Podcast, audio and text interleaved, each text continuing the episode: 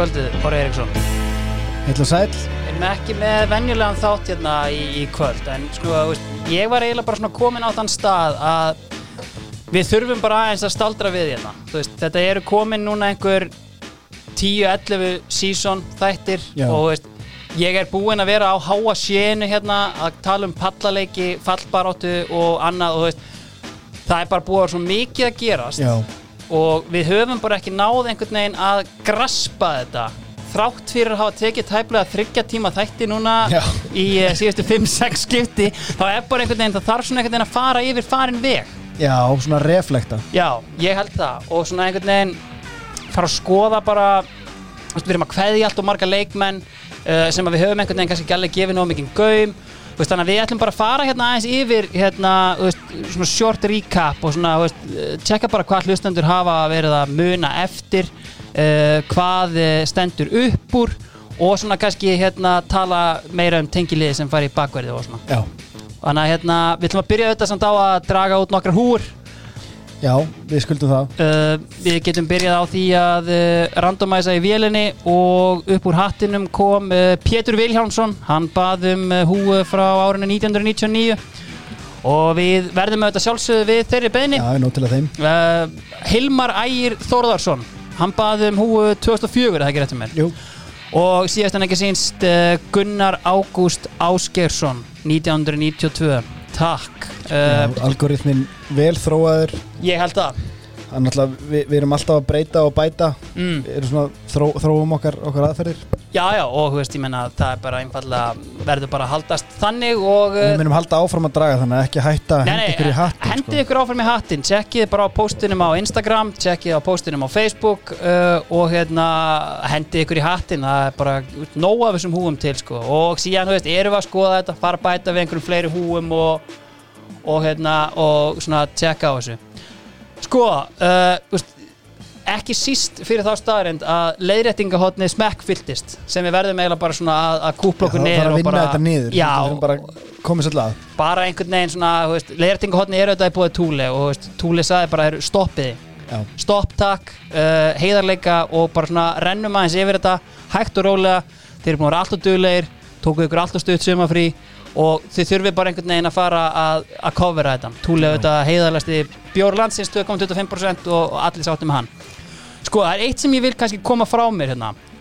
Uh, ég er búin að fá svolítið af hérna áminningum um herru, þetta gerist nú árið 2000 þetta var í 2001 þættinum. Já, já, já. uh, veist, þegar ég segi að eitthvað sé að gerast uh, í þessum þáttum veist, sem er kannski mertu 2001 þá er ég í rauninni að skoða tímabilið frá endalokum tímabilsins á undan já. þannig að haustið fyrir sumarið slætar inn í tíðaranda Já, já, meina, þú ert bara undirbúinustíðanbili eins og leikmennir voru Já, já. á þeim tíma Þú ert Já. að undirbúa þig fyrir næsta sumar og allt fram að því er Já, ég meina það væri kjánulegt á okkur að vera eitthvað að klára sísonið bara og, hérna, og fara bara inn í hérna Já, þegar tímabilinu lauk þá hérna, að kjánulegt, Víðir sig gera reyndar alltaf í, í sínum bókum, það er kannski ekki kjánulegt en þú veist, ég Er hann bara með einhvern veginn- haustmót og eftir bara, þú veist, þú, á lest Ísland knæspinna bara Já. 2001, þetta gerist að móti loknu og bara, þú veist, fram í november eða eitthvað okay. síðan tekur hann við, sem sagt, næsta bók þá er það, þú veist, november til november eða eitthvað líka við þurfum að ræða við hann okkur í anskotunum Já, mér finnst þetta allan ekki einhvern veginn, veist, hérna, ég nenni ekki að lengja þættina og, hérna, þú veist, og líka bara svona in the end veginn, veist, það, þú þú vilt bara klára mótið og þá ertu bara komin í smá frí þannig til næstu já, viku, sko. allavega, smáralindin opnaði höstið 2001 og talaði með 2002 þættinum Haldur Heimir Ísleifsson mannstu hvað það var?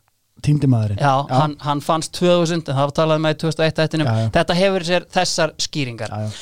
allavega, herru, leiðrétting varandi 2001, ég sagði að hérna, Óli Adolfs hefði lagt skóna á hilluna Já. eftir að hafa verið þarna hryggjarsúlan í F-áliðinu Uh, það er auðvitað ekki rétt, hann fór til Víkings Reykjavíkur og var hérna, setna með sko, spilandi þjálfur hjá Skallagirim, laði alls ekkert skóna á hilluna Já, já, í tankinu. fekk þetta frá fyrrum fóringjanum mínum í Vatnaskói Þorsteini Arnórsinni finnst Þorsteini? sko, já, mér finnst sko aðalega magnað að ég sá þessa mynda á honum og, og hann sendi hérna, þessa leirting og ég bara, ok, byrði kannast ég ekki eitthvað við hennar mann? Og í svona hálftíma velti ég fyrir mig bara þangað til endanum þetta var fóringin á borðinu mín í Vatnaskói Hvaða ár varst í vatnskói? Ég er sko vatnaskóa legend. Ég held að ég Ok. hafi verið sko 2001, 2, 3 og 4 Eða 2000 1, 2, 3 Já, sennilega líklegra ég, sko, ég er þrípít handhafi hérna, biblíu spurningakeppninar þrjú Já. ári röð og, hérna, og á sko ég, á, úst, ég er á vegnum, það er bara Hall of Fame Já, og þar er ok. ég Þú- sko, er bara- ég, meina, ég var skákmótsmeistari ég var markaðasti leikmaður svínadeildarinnar þú veist, þetta var bara allt saman Shit ég, þú veist, og enn og aftur verði ég að koma inn sko viðskiptahugmyndu minni vatnaskóur fyrir fullarna Já, vá. getur þetta verið svolítið súr stemming uh, hundrað kallmenn komnir á hérna Á þurran stað? Ég held að þetta getur verið mjög gott. Ég, ég fór eitt ár sko. Mm. Ég man eftir þessum Þorstinni já, potið, sko, hann allavega hérna, hann sagði, sko, ég sagði bara heru, þetta er annarkvort steiktasta hérna, steiktasta fyrirspunt sem þú hefur fengið eða bara mest spot on sem ég hef nokkuð tíman tekið, en varst ekki fórengi í vatna, sko, hann bara jú, ég var það og trúðu mér, ég fæ þetta miklu oftar en þú heldur, sko. Já, ég, ég sko Ég man eftir, ég held að sé sko lið sem var alltaf að spila í hérna spil í utandildin upp í breiðolti hérna, þá Karlsbergdildin mm. sem að hétt Kvatur eða eitthvað sem var allt einhverju svona kristilegir dúttar Mm. einhverju svona KFM kallar. Já, og það að spila, spila mótið um þar það var bara alltaf svona ákveðin upplifun af því að þú kannast við annarkvært andlit úr einmitt vatnaskoði og þú bara harneitar að blóta og hérna bara, hei, það hætti þessu! Það var náttúrulega geðveikt hérna koncept ég man alltaf eftir því þegar frissum minn einn túlega hérna í lirtingahóndinu það var alltaf gullt spjald fyrir blót sko. Já, já, og bara tvö blót red card og farin, sko. Já, það var bara, geðveikt. ég man alltaf eftir þetta var eitthvað helvítis djöfisins og það var bara Já, bara Þetta voru tvö. Og ég man Það sko sérstaklega eftir einu. Við vorum bara sko, að að, veist, þetta var svo geggjað. Þetta var alltaf bara, við vorum á valsborðinu. Síðan var bara borð 2 Hið vonleisa þróttara borð Borð 3, Ég meina- aðal, keppinarnir vikingaborð Hann sko, þetta sjúka var, Þorsteinn Hann myndi á þess að ég að veist, og hann fyrirgeði mér þess að vitnda samtala okkar hann veist, varst ekki hérna á einhverju valsborði? Og ég bara uh, jú, hann sagði þetta sko varst á svona valsþróttaraborði, ég bara þú ert næstuði með þetta, af því að valur var eitt borð og þróttararnir voru arch enemies. Allir úrstöldarleikir voru við þá. Sko þú ert náttúrulega uppalinn í félagi sem að er, hefur kristilega rætt heldur betur, já, já, þannig að ykkur er allir mókað í vatnaskó til þess að læra meira um Ég fór um enda sko, ég fór með sko félag mínum, Bendit Ottsinni sem var svona skáta þengjandi, hann dró mig hann fyrst sko og hérna það var svona, veist, að að veist, þetta var ekkit eitthvað og ég dró alla hina með mér eitthvað, herri, veist, komið með mér, ég ætla hérna að klára biblíuspilningakefnina í ár, þið verðið að sjá þetta. Þið verður að hlusta á Guðs orðstrakar varstu bara eins og votti hana mm, má ég, segja þér frá já, já, ég sagði allavega þú veist, öllum þetta væri og þetta var geggjað bara, veist, eitthvað, og veist, ég menna ég fór all inn í alla söngvana og ég fór í kapillin á kvöldin og ég Já, já, húra húra og vatnið, vatnið og ég menna, það er ekkert skemmtilega Við þyrftum eiginlega að fá vatnarskói sem sponsora því að ég er að eða alltaf miklum tíma í þetta. Herðu, er þetta ennþá í gangi? Já, já, já, ég menna, hérna, Hjörvar er alltaf að auglýsa þetta. Þú veist, bara, hérna, þetta er, þetta er, þetta, þetta er, þú veist, kannski COVID sett eitthvað strik í regni, en þú veist, ég menna, þetta er eitthvað sem mun aldrei deyja. Þú veist, ég menna, þú veist, þú fer bara hann í viku er stór orð. Með einhverju Nei, ég meina, hvað ætlar að gera við? Ég myndi halda þetta sé, sko, þú veist, allt við þetta og bara, þú veist, eitthvað senast það, í hvaða skála varstu? Ég var í öllum Já, ok, þú ég var bara í, prófið allt Já, saman. ég var í gamla, Þú ert ég var í sjóar. nýja af hverju endar ekki sem fóringi þetta samt? getur þú sagt mér það?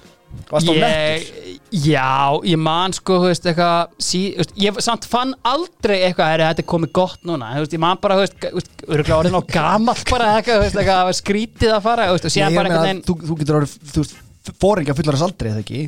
Jú, veist, ég nefndi ekki að vera fóringi Ég hafði bara margt annað að gera. Eitthvað, nettur, já, já. Já, allt og nettur sko. Já. Herðu, uh, fleiri leirtingar Það kom hérna ábending um sko djúbulegina Við fórum greinlega gæli nóg grundigt í sko hverjir voru Nei, Sko, þetta byrja náttúrulega á Mariko Margret og Dóri Takifúsa já, Áður en að Hálfdán kemur til skjálana Já. og með, með, með honum notabenni var Kolbrún Björsdóttir Kolla í rétt. hún var með honum. En í millitíðinni þar var uh, ég man ekki hvað konunnar heita það er óheppilegt Já. en þar var allavega maður nafni Artur Karlsson. Fekk þennan frá ásarlákunni uh, svo sem ekkert meira um það að segja en bara svona svo við höldum bara svona já, röðinni já, á, á halda og þessu eftir hálfdán kemur þetta toppa marinn og, og, og Já. allir stemmingur Klú- ég fekk helviti góða sögu sko frá Akureyri. Uh, Santos í leiftri mm. fenn alltaf hann í Þór hérna, Já. tímabilið hérna, sem við vorum að tala um í síðasta þetti og hann hérna hann kemur hann inn og í liðinu eins mikil landsbyggð og það er það var maður sem heitir Hlinur Svan Eiríksson og hann er auðvitað bara kallaður litli af því að fyrir er Hlinur og hann er stóri. Hlinur Svan, er, hann er þjálfari það ekki í dag? Hvernig þjálfari? ég, er það? Ég, ég er svona ég manni þessu nafni allavega. Æ, ég meina hann klítur hann ekki eitthvað að vera tengdur Óðinn Svan hann að Þetta er- Það er einhver tengi hvað er áttu frasin hann út á Akranesi Hvað? sonur minn er bróðið minn Já, hans fadir er hans móður. Hans sýstir er hans bróðir. Já, um það var kannski samfæðlega á Akureyri. Sko, Santos kemur hann og úst, þarna er bara einhver maður sem er kallaði Litli. Já. og hann er bara eitthvað Líti, líti, líti gata ekkert sagt Litli. Hann að, veist, li, Litli á hlinn svo hann var Líti uh, Og það er bara steikt Það er bara algjörlega stygt og það sem að gerir síðan er sko að a little fella called Atli Sigur Jónsson Já. kemur síðan hérna nokkur mánu setna Talent. Já, og hann basically er svona lítill og, og, neð, og hann tekur bara við, við nefninu líti og er kallað líti síðan sko að því að ég fekk henni móla þá myndi ég svona býtu já, heyru, hann hefur komað í hina hliðin á .net og talað um það sko að hann væri kallað einhverju glóralösu nafni. Þá sko þróaðist líti út í líta Leroy Líta og í ákveðinni kreðsu er Atti Sigurjónsson bara kallaði Leroy. Ég elska svona nickname segur Þetta er svo brest. Já, þetta er mjög Þetta brest er svo rhyme slang hérna. Sko síðan Atli Sigurjónsson, hann hefur ekki lokið sér af hérna í leiritingahóttinni, ég fekk það notabenni ekki frá honum sko, þetta er allt sem hann sem er að koma í hérna gegnum aðra aðila. Uh, Þú manns hvað við non-flying Scotsman non-flying Scotsman Já. sko, þegar hann fekk leifið þarna, til þess að var ekki settur út úr hóp þarna fyrir Já, bara, fekk að skila skömminni og mátti keira í leikin Mm. þá gerðist það að hérna, hann fæ bara einhvern svona, fæ bara Royal Tour. Hann stoppar þarna í sundlaugin í Þelamörk Já. á leiðinni.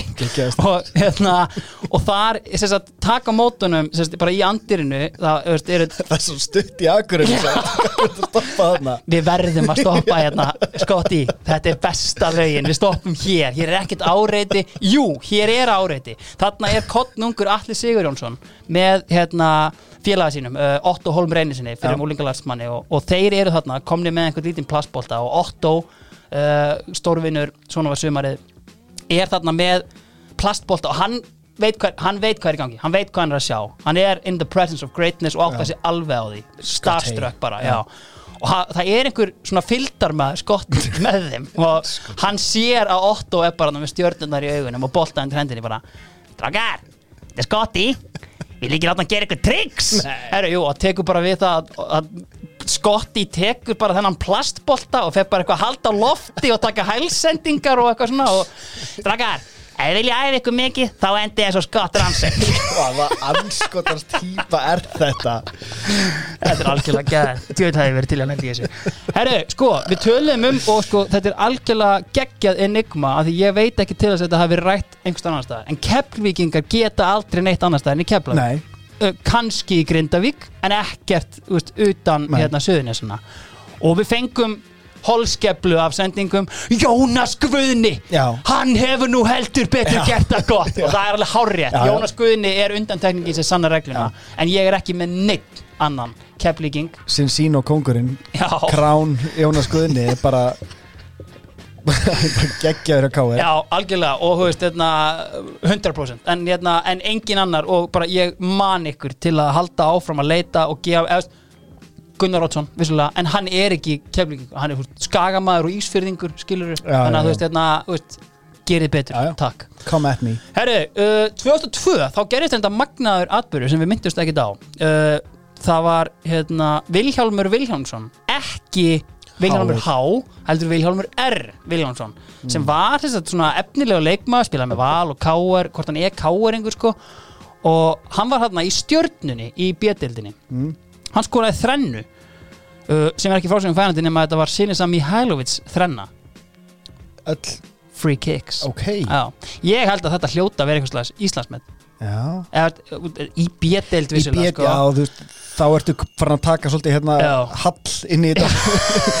Sem að geta alveg hafa gert. máli er sko ég- Ég fekk þennan móla og beintengt við hann var Já, þetta var nú heldur betur leikið eftir á Torfnesvelli í þriðdeildinni sama sumar. Þá var hérna maður nafni uh, Guðmundur Guðjónsson sem gerði þetta líka sama Ok, sumar. ok. en þú veist þannig að Íslandsmet, nei, Nei. en þú veist, helviti skemmtilegt. Uh, Talandi um Íslandsmet, ég fekk móla það var leikur Keflavíkur og IBVF árið 2002 Mm. þetta voru algjörlega framhjá mér og ég skilða reyndar mjög vel.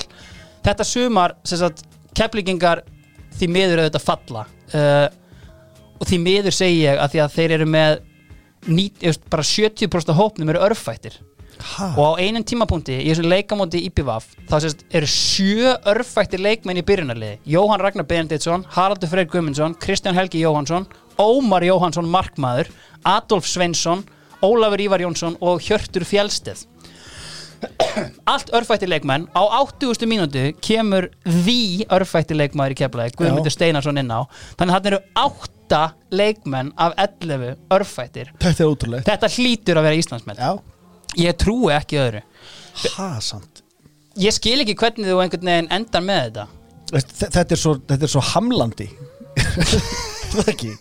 Já, just, ég veit það ekki, þú ert vanalega með tvo tvo réttvætta, Já, eða sko, tvo örfætta inn á, ástæðan fyrir skilurðu, að segja hamlandi er að þið, ég segi þið örfættu leikmennir Já, eru svo oft með visin hægri fót. Þetta, þú veist, og ég bara En- að þú en- nefnir Jóa Ben til dæmis sem Já. er sko gegg, geggjulöp já, en svona gæjar sem er örfættir oft með geggjaðalöp það er ekkert að frétta, þetta er bara til að standa á honum sko. ég get sagt góða sögu og ég vona hans, ég vona þess ekki að svíka trúna við hann. Ég er að potið ekki, sko Þór Hinriksson minn gamli þjálfari og hérna uh, fyrrum uh, aðstofþjálfari Willums hjá Val og annað Já, hann tók einu sinni mig og hérna, Kolbein Kárasson til hliðar á æfingu uh, og hann var mikið í því að svona taka menn til hliðar einhvern veginn og, Já, já. og svona auðsa úr viskubrunni sínum sko og þetta var sérstaklega góð, bara, við- það var bara spil og hann var með þessu ákveðið svona hiti í leiknum og bara, Jói, Kolli, komið hérna. Og með sikkur leiðin Og leikurinn heldur áfram. leikurinn heldur áfram, við, það er svona, þú veist, búin að vera smá eitthvað og við komum þarna og, og síðan, veist, fer hann bara yfir það. Strakar, þið vitið það að örfættir þið eru með betri lappir heldur en hinnir en þið eruð on average með verri hinalöp heldur en hinnir ok. Muniði 82 eða 86 ég maður ekki. Maradona geysist upp hægri vangin hann getur gefið fyrir með hægri en hvað gerir hann? Rabona. Stráka drulli ykkur aftur inn á vellin það var ekkert meira. Og sko ég svona, ég svona hm, ok, var alltaf eins og svampur en Kolli var svona fyrir evins um allt sem var sagt svona, ok, hvað á ég að gera við þessar upplýsingar? Það var ekkert moment sem hafi kallað á þetta sko, en þetta er bara svona, veist, þetta er bara svona ræða sem að við rifjum upp bara svona vikulega, bara, já, ég menna, þú veist Maradona, þú manst þetta. En þetta var hérna, veist, allavega þeir hafa vantilega verið að fleia í þó nokkra Rabona spinnur hérna sjö inn á vantilega á hægri vangnum og eitthvað. Herru, saga sem glimtist að koma inn á í tengslum við hérna pallaleikin 2001 uh, í Eyjum var hérna í IBVF uh, Sturlaugur Haralds, hann fór yfir hvernig hérna Já, stjórnin fór í messu. stjórnin fór í messu, hérna, vel framlág eftir að hafa verið að drekka frá sér stressið og eitthvað. Eftir messuna, Já. þá fara allir stjórnarmenninir upp á völl nema einn, getu, tvísvar The Baker. Oh, Bakarinn, Berlusconi uh, Akranes, Hvað er, hann röldi bara út á bryggju hann er bara út á bryggju allan tíman og hérna Meðan leikurinn er? meðan leikurinn, hann bara getur ekki horta á þetta. Bara starir á hafið. Hann er smá hungover. Vill fá bara svona bræluna í nefið í, í þingunni einhvern veginn. Og hann er bara allan leikina og svona, heyri svona og síðan þú veist bara eitthvað, er hann á klukkunni og heyri svona, þú veist, ok, leikurinn er búinn. Það er dauf fagnarlæti og síðan, þú veist, getur kannski ekkert keirt en, en þú veist, þetta, þetta, en brunar bara upp eftir þá, sko Er það Geggjað, gott. það er þurft að vera fá svona CCTV frá bara hvað, Hvað er að frétta hann hjá þér Herru, ég fekk annar móla uh, Dag sem dimma nátt sem þú svona, hérna, taldir svona endal og greddunar einhvern veginn, var Já, það ekki? Það var svona, jú, jú. upp af nýrra tíma Já, svona dýfkaði, dýfkaði Já, við gáfum hérna uh, Jónsa í svörtum hönskum kreditið einhvern veginn fyrir þetta að hafa hringt í sálina Já. út, fyrir lægið þeirra en Já. þú veist, þetta er ekki eins og lægið þeirra að því að Magnús Stór Sigmundsson pappi, Þórunur Antoníu takk. Hann samti lægið uh, Geitin, já, já, hann já. samti þetta lag þannig að þeir eiga í rauninni ekkert í þessu. Þeir hafa bara, veist, þeir hafa pottet verið bara Magnús Þór Sigmundsson hefur bara séð. Já. Þarna kom loksinn söngvari. Stopp, stopp, stopp, stopp, Nei, Þarna nei, kom nei, loksinn nei, söngvari sem að getur tekið þetta lag. Já, takk, Átt þetta ok. lag er Takk. Þetta er ekki Herri, hérna, Já, algjörlega. Þannig að þú veist, þú ég held líka bara einhvern veginn að í svörtum fötum hafi verið bara, þetta hefur verið einhver sunnudagur þeir hafa verið búin að gretta yfir sig bara, Já. er, veist, stopp nú bara, fá texta frá sálinni, lag frá Magga Sigmund tónum þetta Jónsi, niður. það er komið nóg af hérna kissuberjum frá þér. Nú förum við eitthvað, eitthvað aðeins meira klassi Herru, síðan fekk ég hérna það er eitt sem ég glimt að minnast á og fara yfir og ég hef ekki alveg kannski verið nógu sangjart við eða sangjart, ég hef kannski ekki alveg svona gefið útlendingunum sem hafa svona komið og farið nógu mikið gaum, það hefur kannski gefist alveg nógu mikið tími í þetta, helst er það að fara yfir gaur eins og Musadan Jóko og Já, svona, sem að, sem að er tekin eitthvað svona harkalega afstafa til. Já, en það var nefnilega maður sem kom hérna 98 og hérna uh, og heitir Claude Covey. Uh, ég heyrði þessa sögu sko frá fjallari Þorgers fyrst. Og síðan var hérna maður sem myndi mig á þetta. Uh, og þetta var svona þú veist, það mætti eiginlega segja að þetta hafi verið hálfgerður íslenskur Ali, da, A- Ali Dia sko. Bara, að hér er bara, þú veist, byrjum bara þú veist, þetta er smá hérna, Ok, ok. bear with me hérna.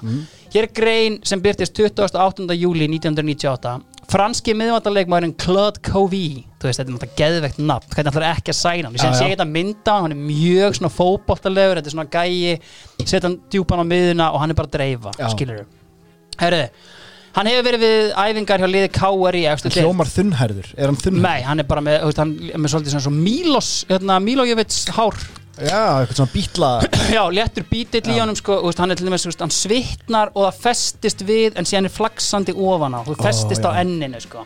Herðu, dreipum hérna niður, hann er 24 ára og í dag tekur stjórn knastmyndilda félagsins ákvörðun um hvort gengi verið til samninga við leikmannin sem myndi þá leika með liðinu þá tvo mánuð sem eftir ísmótinu.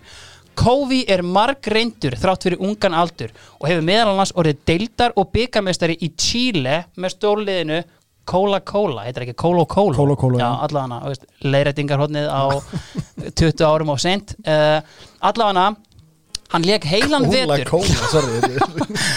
Hann leik heilan vetur með undir 23 ára liði Real Madrid fyrir fjórum árum og þaðan fór hann til Barcelona Eftir tæpa tveggja ára dvöl í Chile hjælt hann aftur heim til Fraklands og leik síðast með liðum í annari dildinni. Ólafur Garðalsson, umbóðsmaður, er með leikmanna sínum snærum. Hann segist að hafa sagt Kofi frá íslensku knatsbundinu og íslensk lið væru mun sterkari en neðri dildalið í Fraklandi. Ég sá hann að fjölmalgir innlendir og erlendir umbóðsmenn fylgdust með dildinni þessa dagana og þeir væru öruglega fleiri en að leikjum lélegri liða þar í landi. Herðu, allavega, síðan er bara sama bara Eiður lið var þetta sem, að, sem hann var að sæna hjá? Káur, KR, hann er við já. æfingar hjá Íslandsmeisturum já. Káur bara hana Herru, síðan er bara næsta grein, hún byrtist uh, tveim dögum setna Frakkin fór til þróttar. Franski leikmaðurinn Claude Covey sem æfði með Káuringu tíma gekk í gær frá félagskiptum yfir í þrótt og minn leikaði sem eftir er sumas Allavega hana uh, ég veit ekkert hvernig sko hvort að þetta hafi verið tólkað þannig að Káuringar hafi mista niður í þrótt Já, eða hvort að, hvort að þróttar hafi bara lesið þetta. Er hennar mann þurfum við Já. að fá. Allavega það næsta sem sést af þessu manni þar er í hérna íþróttir fólk, þar er, þar er móli Claude Covey, frakkin í liði þróttar, leik ekki með liðin á Ólafsfyrða á sunnudaginn en tók þess í stað þátt í Reykjavíkumarathoninu. Hann hljóp 7 kilometrana og kom fyrstur í mark. Ha? Þessi gaur spilaði 45 mínútur, vann 7 kilometra Reykjavíkumarathoninu og var síðan farið. Er einhverjum sögum að hvort hann hafi getað eitthvað Ég, sko, þú veist, hann, ga- þú veist, hérna, fjalar sagði, sko, að hann hefði verið, þú veist, það hefði verið svona góð stemming einhvern veginn yfir honum, sko, alltaf brosandi einhvern veginn, sko, mjög ófranstrendar, en ekki geta neitt, sko, þú veist, og hann bara, hann var ekki komin, hérna, hann fór, hvort hann var, sko, tekin út af í hálfleik og, og einhvern veginn, og, og bara fór, svo bara. Shit Þetta er helviti skemmtilegt, Claude Covey. Herðu, uh, sko, uh, hvað erum við með hérna meira? Ég var með eitthvað meira, sko, uh, Heiðmar Felixson, uh, Frændi Nökkva og, hérna, Nökkva og, hvað heitir hann? Nökkvi, Nökkvi Þeir og Þorri, Torri já, Þorri Þóri sinnir. Torri Mári eða eitthvað Sko, ég fekk móla um það, sko, að eins sem handbóltalegt og það er, meðan hann var í atvinnumönsku í handbólta, Bítasóa Já, þá var hann alltaf að koma heim og spila á sumrin Fótbolta? Já, bara með sko ímist Dalvík, Þór eða Reyni Áskurstand setjandi þrennur, hann var eitt tímabil mætti hann í eitt leik með Reyni, setti þrennu, fór svo bara aftur Var hann svona tarfur frammi? Ég meina hann var bakvörður þar sem að við, kannski tengiliðu settir í bakvörðin, við ættum að hugsa sko. en þú veist, bara pæl, hvort finnst þér þetta downgreita meira Þetta dángreitar Jói. Atvinnumæður í handbolta kemur á prísísoni og spilar með neðri Sko, deltaliði í fótbolta. Það að handboltamenn hiti upp með því að spila innan hús fótbolta segir bara allt sem segja þarf. Þetta er því miður eins mikil þjóðaríþrótt og þetta var er, þetta er ennþá þjóðar í þjóttin við fáum þetta á að að hverjum janúar. Hættu þessu. Ímyndað er hvað það væri gott fyrir aðra íþróttir að menn myndi bara og, og konur myndi bara snúa sér að íþróttum sem skipta einhverju máli. Stopp, hættu þessu. Herðu, uh, Tökum þetta fyrir síðan Já, allavega að lokum Ég fekk kvörtun, sko, margar veist, Það var bara hérna Ég var húðskammaður, Já. miljón bref Fjölskyldinu minni hótað öllu illu. Yfir eitthvað sem ég man eiginlega ekki eftir uh, Og sko, er, fyrirgeðu Skjóta inn, á einhvern tímapunkti talaði ég um að móti hefði aldrei unnist á markatölu. Uh, Það er náttúrulega ekki rétt. Uh, Einar Guðna var fljótur að segja mér að Víkingar 91 hefðu unnið á markatölu Já, En veist, það er náttúrulega eitthvað sem við tökum ekki nei. En blikar unnið náttúrulega 2010 á markatölu. Alveg rétt. Allavega ég köttaði á þig uh, þar sem þú varst að fara að fara með einhverja þulu sem Já. verið hjá Steindóri Já, já. ég náttúrulega þú veist, svaraði þessu fólki veist, það er ekki sjensan hafi verið með þessa þulu á standbæ en Jú, jú. hún, var er að klár Já, já, ég get bara farið með þetta þú vilt Uh, please, Já, takk ok. Lækkaði viltu eitthvað betann. být eða? viltu bara ekkert Ég eða? vil bara Já, já, Sko, já, svo, svona, svona kendan hana ok okay. Býtu, sorry, er þetta ekki þula eftir þig? Nei, nei, nei, Nei, þetta ok, þetta bara þula sem hann kendi á, á hérna, Workshopinu. workshopinu. Já, ok. Hún, hún hefur fest í huganum. Ok. Hún er svona. Upp í háa hamrinum býr huldu kona. Það veit engin Íslendingur. Annar en ég hver vel hún syngur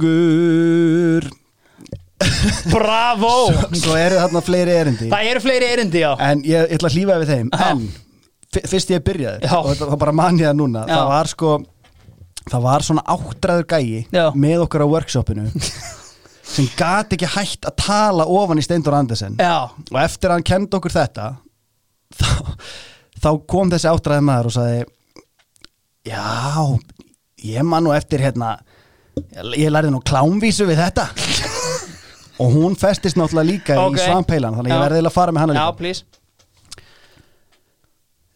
Nú þegar, hún, hún er ekki eins fast býtu Hlustendur eru að ærast. Ekki bilar beinharkan í besevanum.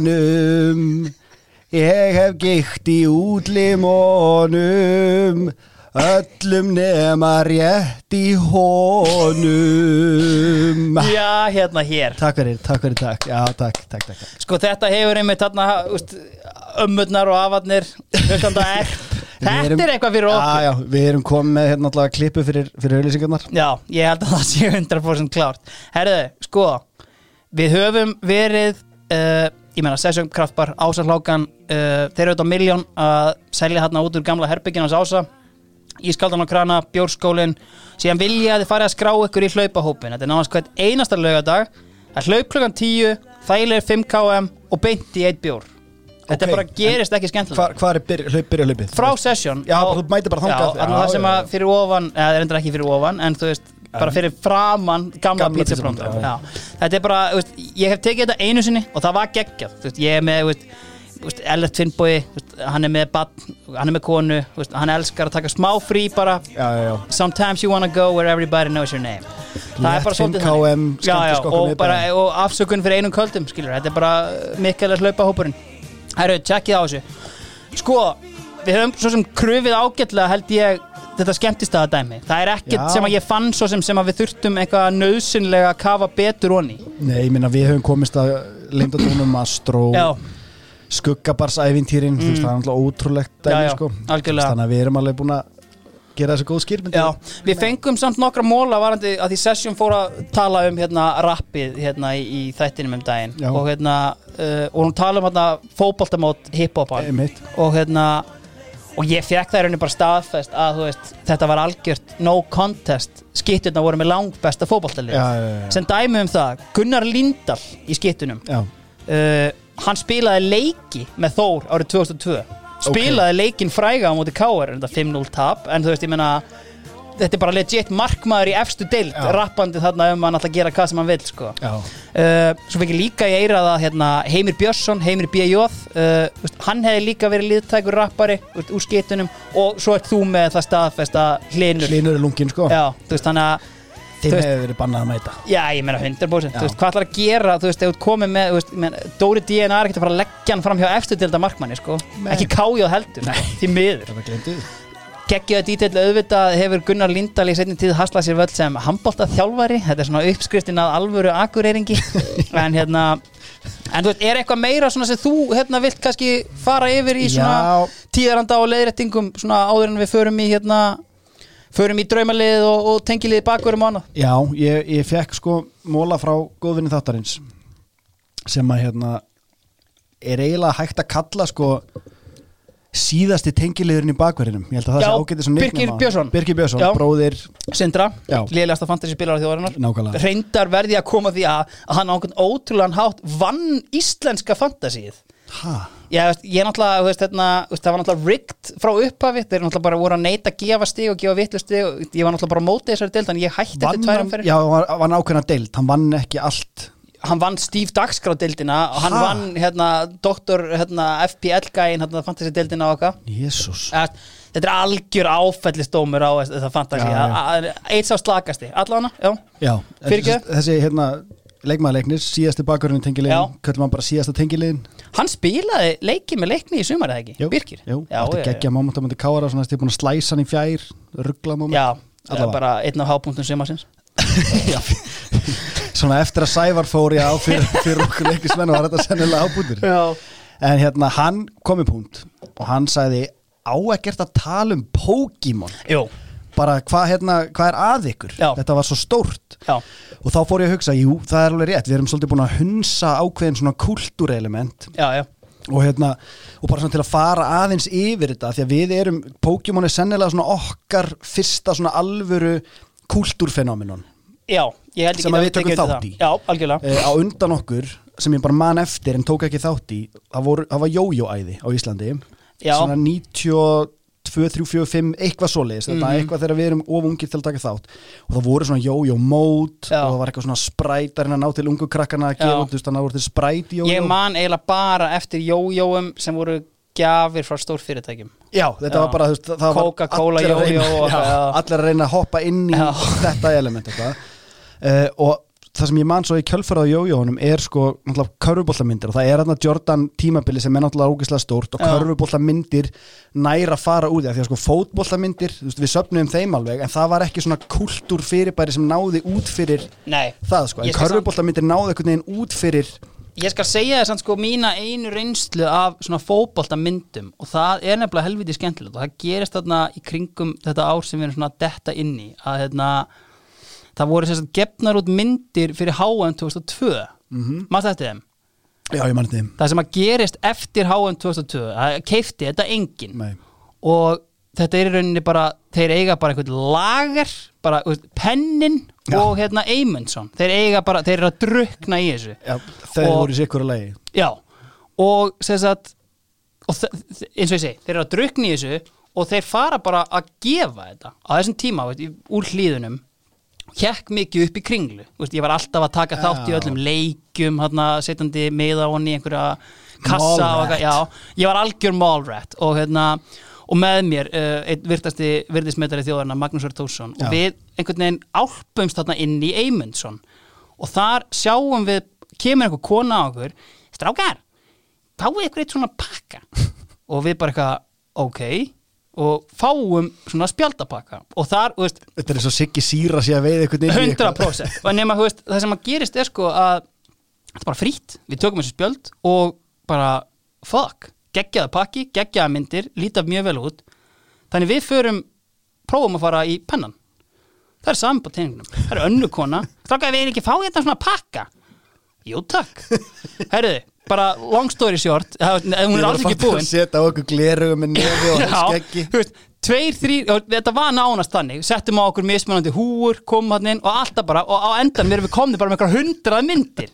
Herru, það sem gerist síðan er sko að við förum að rekast á aðra hópa sem eru líka í þessu og hefur verið miklu kræfari. Við mættum einhverjum gæja sko sem að bara, veist, hann vantaði bara eitthvað Thomas Ufalúsi eitthvað og gaf okkur bara Rivaldo í staðina því að hann átti tíu þannig. Ég sá bara, veist, hann var bara með sko veist, hann var með þetta í öllum vössum bara risa bunga og, en vandamálega sko síðan í kjölfarið við slísuðumst til að segja fólki frá þessu. Já. og þá fara menn og því, veist, þessi gaurar sem við hittum hana þeir kenda okkur trikk. Farið hann inn, byggðið um þetta og þegar þið takið pakka, þá takið þið bara tvo þrjá. Þannig að við vorum bara að labba þá, þá veist, við náðum svona einum degi í kringlinni þar sem við svona gengum á milli og tókum tvo þrjá pakka, söpnum vel. En síðan fórum við að segja fólkinni, að krökkunum í skólanum frá þessu. Síðan bara, veist daginn eftir eru bara allir vinur okkar mættir í kringluna og þá fer konan í pennanum og einmitt sem bara, heyrðu, byrju, er eitthvað valjú í þessu hérna? Þá orð, þá breyta þér í það að hérna, þú verður, þú færð þetta með, þú ef þú kaupir eitthvað þá færð þetta í kaupæti þá Þetta er svo hörðu leksja í frambúða eftirspurð sko. þá vorum við komir í það er ég ætla að fá hérna eitt strókli ég kefti svona 20 strókliður Boxy. hérna, já, já, nóa boxy, blíjandar eitthvað. Og þá síðan meir sko, þú það var að kaupa fyrir meira en 1000 krónur þá einhvern veginn svona, ok I've had enough, bara hérna don't get high on my own supply. Og bara einhvern veginn hérna, klukkaði mig frá þetta er mín eina reynsla, einhvern veginn að hanga upp í kringlu Ok. að hitta einhverja svona að treyta fótbolta Varst ekkit í Premier League límiðadótinu og svo Nei, myndunum? úst, ég fekk bara úst, einhver tíma bara úst, ég á alveg einhverjar myndir en þú veist, það var ekkit hérna, ekkit þannig, síðan sko reyndar hérna, skemmtileg saga aftur. Uh, það, hérna, íslensku spjöldin. Já. ég, veist, alveg hérna það var verið að selja það á þjóðháttíð ég kefti svona 40 pakka. Þar að fekk ég sko, og Haldur Orri Björnsson á þjóðháttíð 2009 hann var í einhvern svona sturluðum garðabæjar tjaldbúðum við hliðina mér. Já. og, og ég er þarna með hann á mynd, búin að sjá hann þarna hann er bara í tjaldinu náttúrulega hliðin á mér. Þetta er þarna, varst ekki með okkur, 2009 þetta er þarna þegar við erum þarna, Bjarki Birgis er þarna rétt hjá okkur Já, og, eitthvað. og, og þá einhvern veginn og síðan verðum við bara, erum við ekki að fá þetta áritað og við bara, jú, og Alli Már Bárusson hérna ráfar þarna yfir í tjaldbúðina það sem að, sko, mér minnir Grunnbúðir Já, mér minnir að Haldur Orri hafi verið sko mjög upptekinn. Uh, svona án þess að ég fari eitthvað mjög út í það hann óð inn í tjaldið þess Haldur, verðum við ekki að fá þetta áritun þetta og hann, hann sko, veist, í minningu bara, veist, nei, drullaður út. En veist, einhver aðli jú, Haldur, þú verður nú að árita þetta. Bara, uh, og ég á ennþá bara Nei. Haldur Róa nummer 10 bara árita Vá. allana, mínar, þetta, þú veist, út út úr mínar minningar af þessum myndum, sko. Já, ég ég var miklu dýpar ég var alveg á kafi öllum þessum myndum sko, en, en ekki í köruboltamyndunum Mm. en mannst þetta poksinu eða? ég man eftir því, en ég átti þetta ekki ég fóti frænda minn sem var aðeins eldur hann Já, átti þessu og landslið 95 og Já, eitthvað dæmi ég, ég nefnilega poksið var eitthvað í gegnum eldri frændur sko, þetta Mhm. var svolítið þannig stemning og mér fannst þetta samt alltaf svona nett og ég, svona, ég skildi þetta aldrei almennilega en ég held að þetta hafi snúist um að negla þú veist, þú áttir eitthvað svona sleggju og svo varstu með poks myndir með alls konar drastli og þú varst með þetta í svona stakk það var einhver einn poks sem var sleggjan þín eitthvað. ég og skildi svo aldrei neldur þetta sko sleggjunni ofan á bunkan Já. og það sem flippaðist við þú Já. og neldur hann á bunka einhvers annars Mm. þú máttir eiga þau ég, eins og ég skildi það er það leikurinn en ég er endilega, endilega Ertu búin að horfa á Squid Game sko. eða? Nei. Nei, það er nefnilega smá að það er einhver leikur sem þið farið sem er mjög sambærlegur við svona, ef þú átt að negla einhverju spjaldi og ná okkur spjald og hafa flippast ég held að hafa svona, einmitt, þetta er eitthvað pox- sam- pox, já, nema bara í einhverjum umslöfum, ég skildi ekki alveg allana, já Já, en þa það leiðir að sko Pokémon kemur hann inn eitthvað- í kringu 99 og eitthvað. Og kannski ástæðan fyrir það að við höfum ekki graspað þetta almennilega er að þú veist, það er enginn að segja krakkafréttir, skilur við, Nei, nei. það er enginn að tala um þetta fenómen sem er í gangi. Þetta er, þetta er undir alltaf Já, og það voru sko þættir. Já, ég man alltaf eftir þess, þeir voru þriðutöðum og það var einhvern veginn þannig þetta ár sem þetta er svona að byrja já. uh, hann er í Hólabrekkarskóla og þriðutöðarnir röðust þannig upp að það var eitthvað svona after school opnun í Austubergi í Já. Íþjórtahúsinu og þar gæti maður bara farið og spila fótbolta bara Mhm. eins og maður vildi Já, þannig að maður fór bara eftir skóla þangað heim og horfa á eitt Pokémon þátt akkurat og svo beint á fótboltaæfingu Mhm. Já. og þetta var bara einhver fullkomnun Já. þriðjudagar urðu að einhverju svona vin í eyðimörkinni í Já. miðri viku og sko getur fundið lægið á íslensku af því að þessi þættir hérna, voru náttúrulega sko, sko þeir voru svona sér kapitúli sko.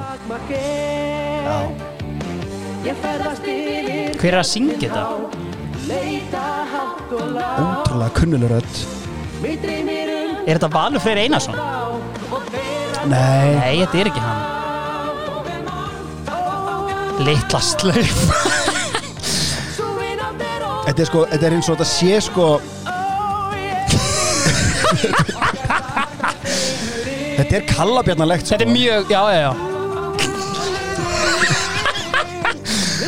Þetta er sko geðveikt Já, þetta er svo kallar sko.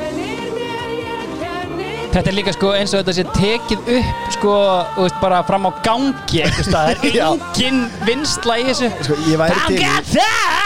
Ég væri mjög mikið til í að það væri eitthvað úti með upplýsingar um hver þetta er því að þetta er pottit ykkur gangavörður upp á rúf sko, sem er bara kift inn til þess að rekorda það, en þetta er, er geðavitt sko. Já, en þú veist, fyrir þig sem svona a marketing man, þú veist, þetta hlýtur svona að vera ultimate snildin að þú ert með eitthvað ert sem ert að selja krökkum Já, og og svo ertu með sjónvast þátt ofan í Þetta þetta er bara að lata bæja formúlan og Já. þetta er allt saman eitthvað ég, ég var punkt djúpur í þessu ég, ég, sko, ég manalegt í momentum það sem ég sko, stál pening svona mín Já. eina reynsla að spila veist, ég stál peningum af mínum, meina, sko, tilfinningin að kaupa pakka Já. bara möguleikarnir eru þú veist, þú ert með heiminn í já. bara þú ert einhvern veginn að leifa þér að dreyma að opna einhvern svona skitinn pakka. Já. og ég man að maður gerði það stundum. Það var einhver félagi minn sem að síndi mér rugglatryggs við vorum hann að, just í hagkaupi eða eitthvað í eitthvað svona þannig búð mm, og tókst pakkan áður en þú keiftir hann settir hann ofan á dutt dæmið og þar var svona vikt til þess að vikta ávexti og svona. Já. og þar sástu grömmin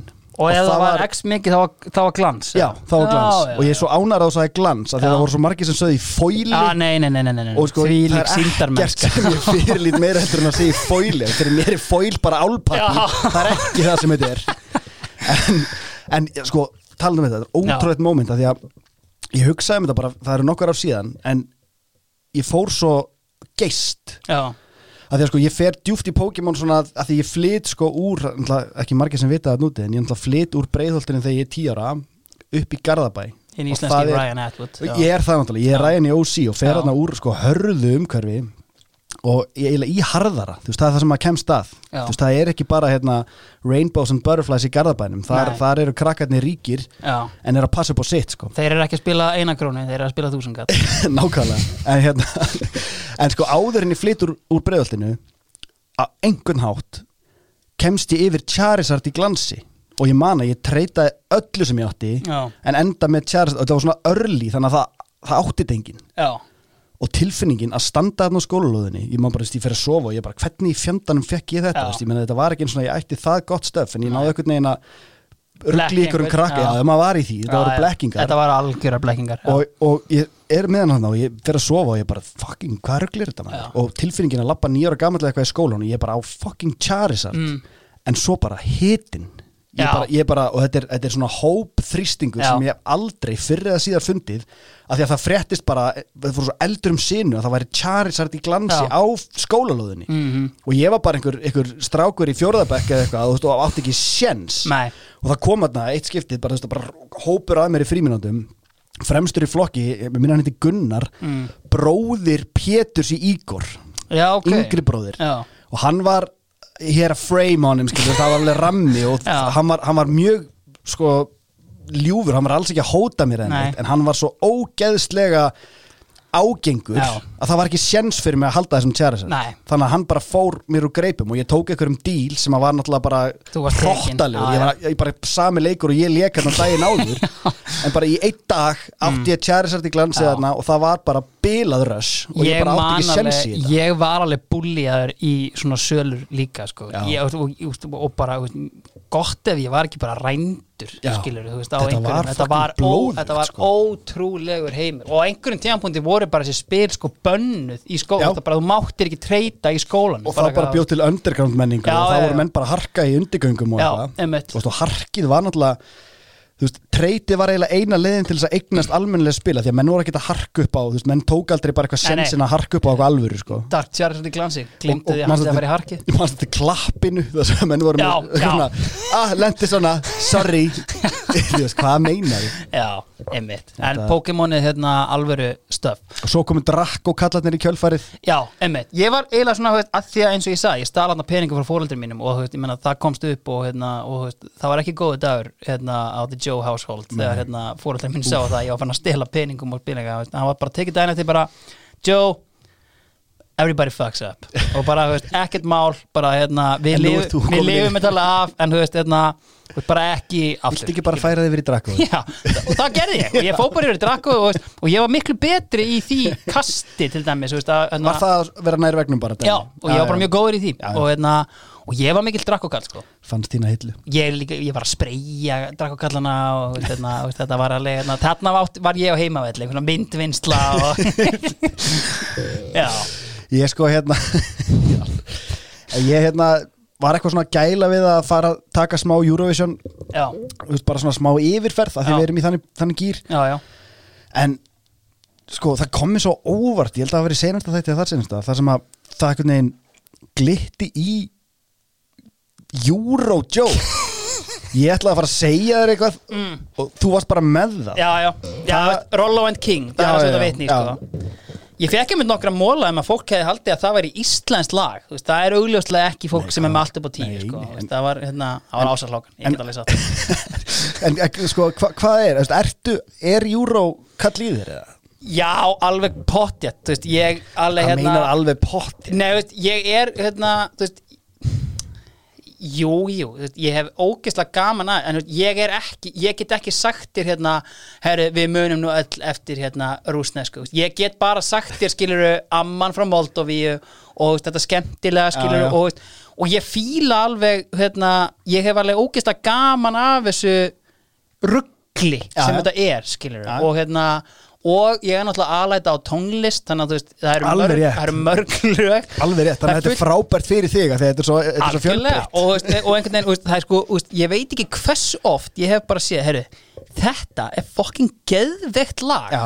null stig. Já, já. ég man sérstaklega eftir eitthvað írst lag einhvern tíman, sem var bara alveg svona happy hardcore trans slagari og bara, þú veist, þetta er að fara að vinna þetta og enginn með mér í liði og bara, sjáu þið bara null stig, Þetta er svo eða- konsept Ég er alveg á keppni vagninum, sko. og, og bara ég ætla, ég ætla að byggja fólk af því að það er svo oft sem maður lendir á svona alvöru höturum Já, mér finnst það bara tilgerð að þetta er, Já. bara, þetta er eitt kvöld á ári sem er ógeðslega skemmtilegt Já. yfirleitt, þú veist, þú getur farið í geggja partí, þú veist, ég er bara mjög Já, já, ég er alltaf bara- bara fyrst og fremst stemmingsmaður, skilur Já. og það er mikil stemming yfir þessu Já, ég það bara, er svona mín, hérna, mitt svar við þessu. Það hefur svolítið verið mitt hérna, ég er svolítið ofta að krefjast einhverja virðingar. Já, þú þarft ekki að fá það frá mér sko, þú veist, eitthvað, veist, jú, þegar þú ert farin að tala um Dominos tríóði sem laga höfundana þarna, þú veist, þá svona, hmm, Já, en þú veist, Friðrik Karlsson í Messoforti Gretar Örvarsson á stjórninni Já. og Steppi Hilmas að gera lag saman. Hvaða lag er þetta aftur?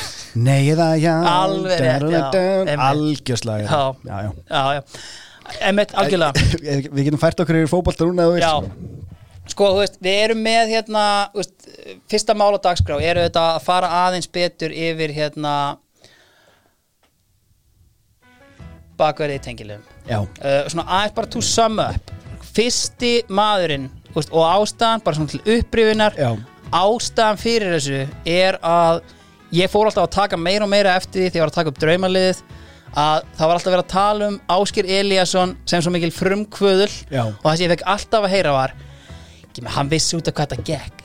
Ekki meina hann setti Rúna Kristins í bakverðin og eitthvað, þetta átt að hafa verið eitthvað algjör snild að setja okkar besta miðjumann í bakverðin að því hann sá svo völlin svo vel þarna eitthvað, veist, en veist, Rúnar having none of it, nefndi því ekkert. En þú veist, jú, hann hefur sagt alveg allt í góðu, ég spila hvað sem er með landsliðin en come on. En nei sko, mér finnst taktíst já, er ákveðin sannleikur í þessu. Það er það og ég menn þetta er bara sínt sig í setjum tíð skiljur með bara horfir á bakverði Íslandsmeistaraliða skiljur þú getur talað um Kristinn Jónsson hjá KR 2019 þú getur talað um Bjarna Ólaf 2017 og 2018 og Val. Veist, það er hellingur í þessu að bakverðin þurfa að vera góð en þú veist, hafðu þá bara góða bakverði þú veist, ekki sko, sko, setja tengilið á er hann ekki á undan sinni samtíð af því að það sem við sjáum gerast náttúrulega undanfærið, við erum, það er búið að vera marg um það tala að, að bakverðið verða mikilvægir í, í heimsfóboltanum og, og Já, bara já. íþörtinni í heild. Já,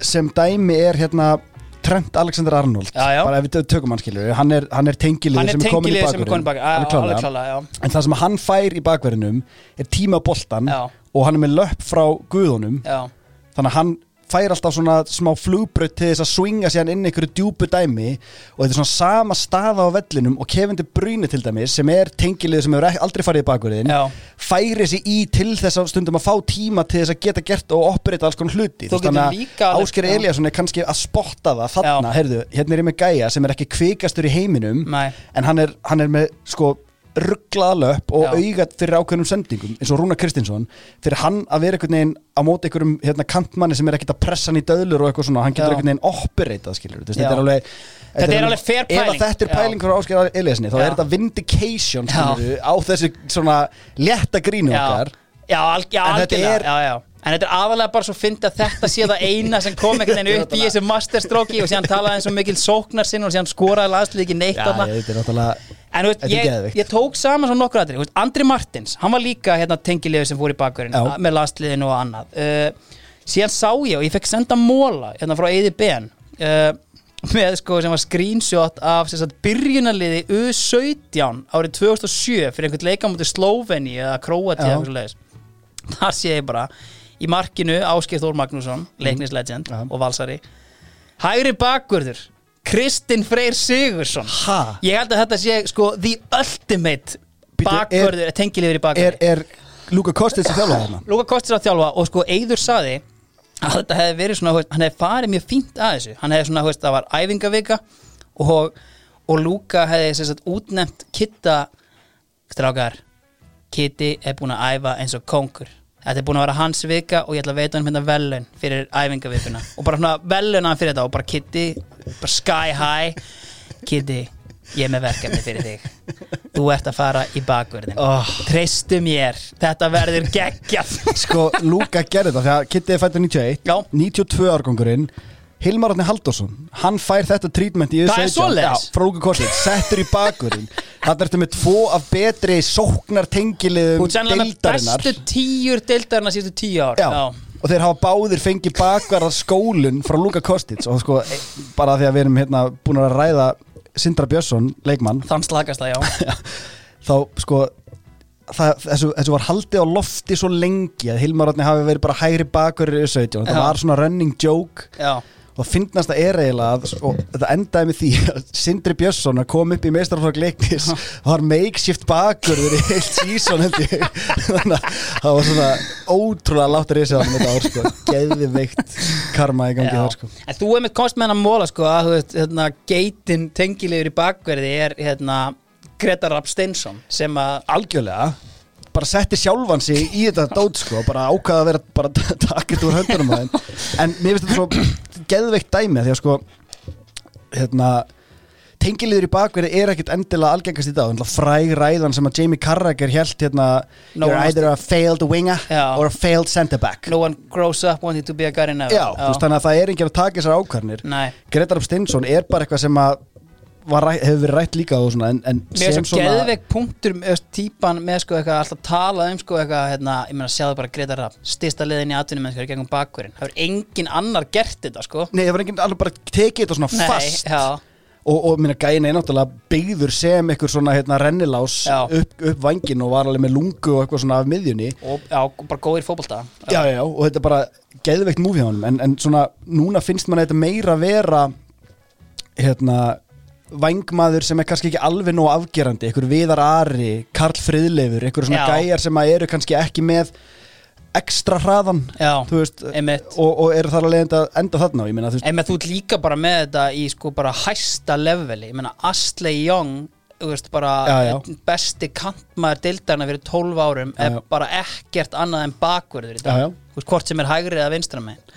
þetta er bara Þetta er, það, kannski með þetta er það Louis van Gaal sem að byrjaði þessa hérna, þróun. hollenski Ásker Eliasson Sko, uh, áður en við förum samt í hérna, það sem við ætluðum kannski helst að gera hérna, 55 mínútur inn við ætluðum að stilla upp svona okkar hérna, draumaliði Já. af þessum hérna 92 til hérna 2002 árgangum Já. uh, bara svona bestu leikmennir og svona bara hvað við ætlum að gera í þessu meni, við erum báðið búin að velja lið og við ætlum að sína að koma okkur saman um það hvert er endanlegt eiginlega, já, Já. sko, veist, ég ef við byrjum bara á hérna, leikkerfinu þú veist, mér finnst bara hérna, út af þessum hérna, breytingum veist, í leikstíl sem að Gauði Þórðar gerir færir tengilið í vinstri bakurinn í. Steinagísla mér finnst ekkit annað koma til greina að stilla upp í 4-4-2 Ok, sko ég, ég er með 3-5-2 lið en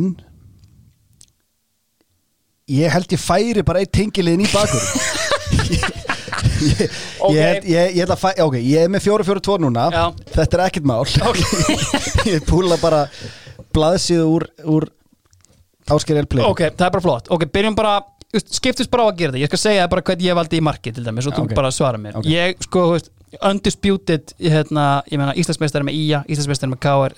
Kristján Finnbóðsson er markmaðurinn í þessu liði. Við hljótum að saman með það Já, við erum sko ég, ég setti Jens Martin Knudsen í markið af þeirri ein, einföldi ástæðu að Ok. gæinn var kemur og hann svona breytir ákveður hann vekur svo mikla aðtigli, hann er svona hann var næsti færisti, færisti leikari Já. til að spila, til að leika í dildinni já, og svona þú veist, þú ert að taka þetta út frá okkur svona legacy, Já. ég er líka að taka þetta út frá bara svona eitt season geðvikt Ok, já, ég meina, og náttúrulega hann eftirminnilega óskaði eigamennin til hamingi með að hafa klófest einn af tíu bestu markmennum í heimi Já. ég meina, veist, svo sem hann Karakter. eitthvað ok, hérna, pælum í þessu hérna, aðeins á eftir ok, ef við byrjum bara í hægri bakurum ég var með marga menn á blaði hérna ég, ég sko, ég, ég, ég lúfa strax þarna skilur þú veist, Þa, Ok. það er, Kristján Finnbósson er í markinu Ok, ok, en ég, ég skal samt pælum aðeins í þessu hérna, ok, ok, ok. ok, hérna, ok sko, hægri bakurinn, ég var með marga á blaði en það var samt enginn sem svona 100% skaraði fram úr fyrir mér Nei. við vorum með kannski hérna e, ég meina Sturluður Haraldsson uh, Bjarni Þorsteinsson svonur einhvers mistara þósteinn eitthvað Steini Klaki Klaki, alveg, alveg. Hann var frábær með K.R. þetta 98-2000 Ívar Bjarklind, þú veist, tók þetta þrjá titla í röð með IBF og K.R. Var hann hægri bakurður? Var Já. hann ekki framherri? Nei, nei, nei, nei. Nú, gott ef hann er ekki bara tengilegur í bakverðinum ha? hann er sko veist, Bjarni Jó færir hann held ég í bakverðin já, já, hann brýtur þarna af sér þarna í leiknum 99 á móti K.R. Vá hvað ég var með þessu framherri nei, nei, nei, alls ekki Er ég, er, ég er rugglunum við hérna fram Ívar eitthvað, Ívar Björnsson Ívar svo afsökunar. miklu höfðingi hann á ekki teima í þessari umræði sko ég ákvað að velja veist, bara fyrir það að hafa komið hingað sem Já. og annað og bara náttúrulega halda þeirri ekki sem flóttamaður kannski en ég meina hann kemur hérna Hver er þetta? Ísutinn já, já þú veist, ég Jú, hérna ekki? ég held að ég er við það kannski til hann sem flóttamann sko, en hann er, hann er samt að flýja stríð, Já, já. basically, Já. skilur kemur hérna á Selfoss áður en hann fer í FH, Val KR, Leiftur Val, þú veist, tvöfaldur byggameistari, Já.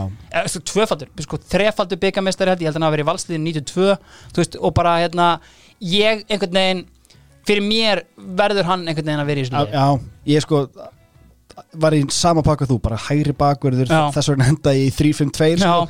En nú er ég búin að færa tengili í hægri bakverðin Ok. og ég hef með júrdallin sem sko kemur og kveikir í Vesturbænum. Já, og líka bara tengiliður í bakverðinum er eitthvað sem að ég mun eiginlega ekki geta sko, ok, allan ok, pælum ég svo eftir. Já. sko, uh, undisputed hafsendar fyrir mér eru Sora Milkovits og Linus Stefansson Þormáður Egilson er á blaði hjá ég, mér. ég er með Þormóð og Soran. Ok, og Soran, sem er rað já, já, Soran er allan að fastur. Já. hann er ekki að fara neitt. Já. ok, vinstri bakverður, Átó uh, Steini D. Gíslason. Já, bara ekki þetta, no algjörlega.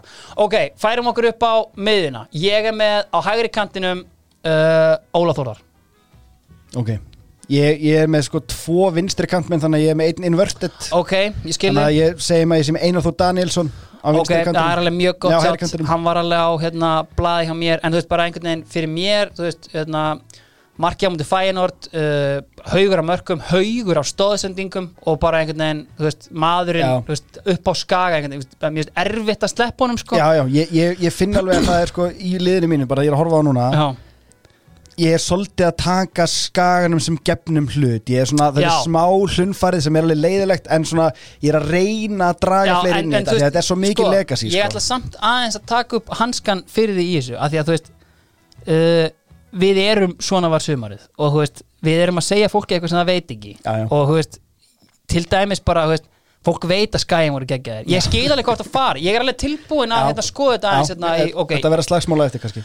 Á miðinni uh, ég er bara með sama dæmi hérna, ég er með Sigga Jóns og Alexander Högnarsson Alexander Högnarsson já, Ok, ég er með Gunnar Odds. Já, Hann getur ekki hægt að spila leikir nei, einmitt.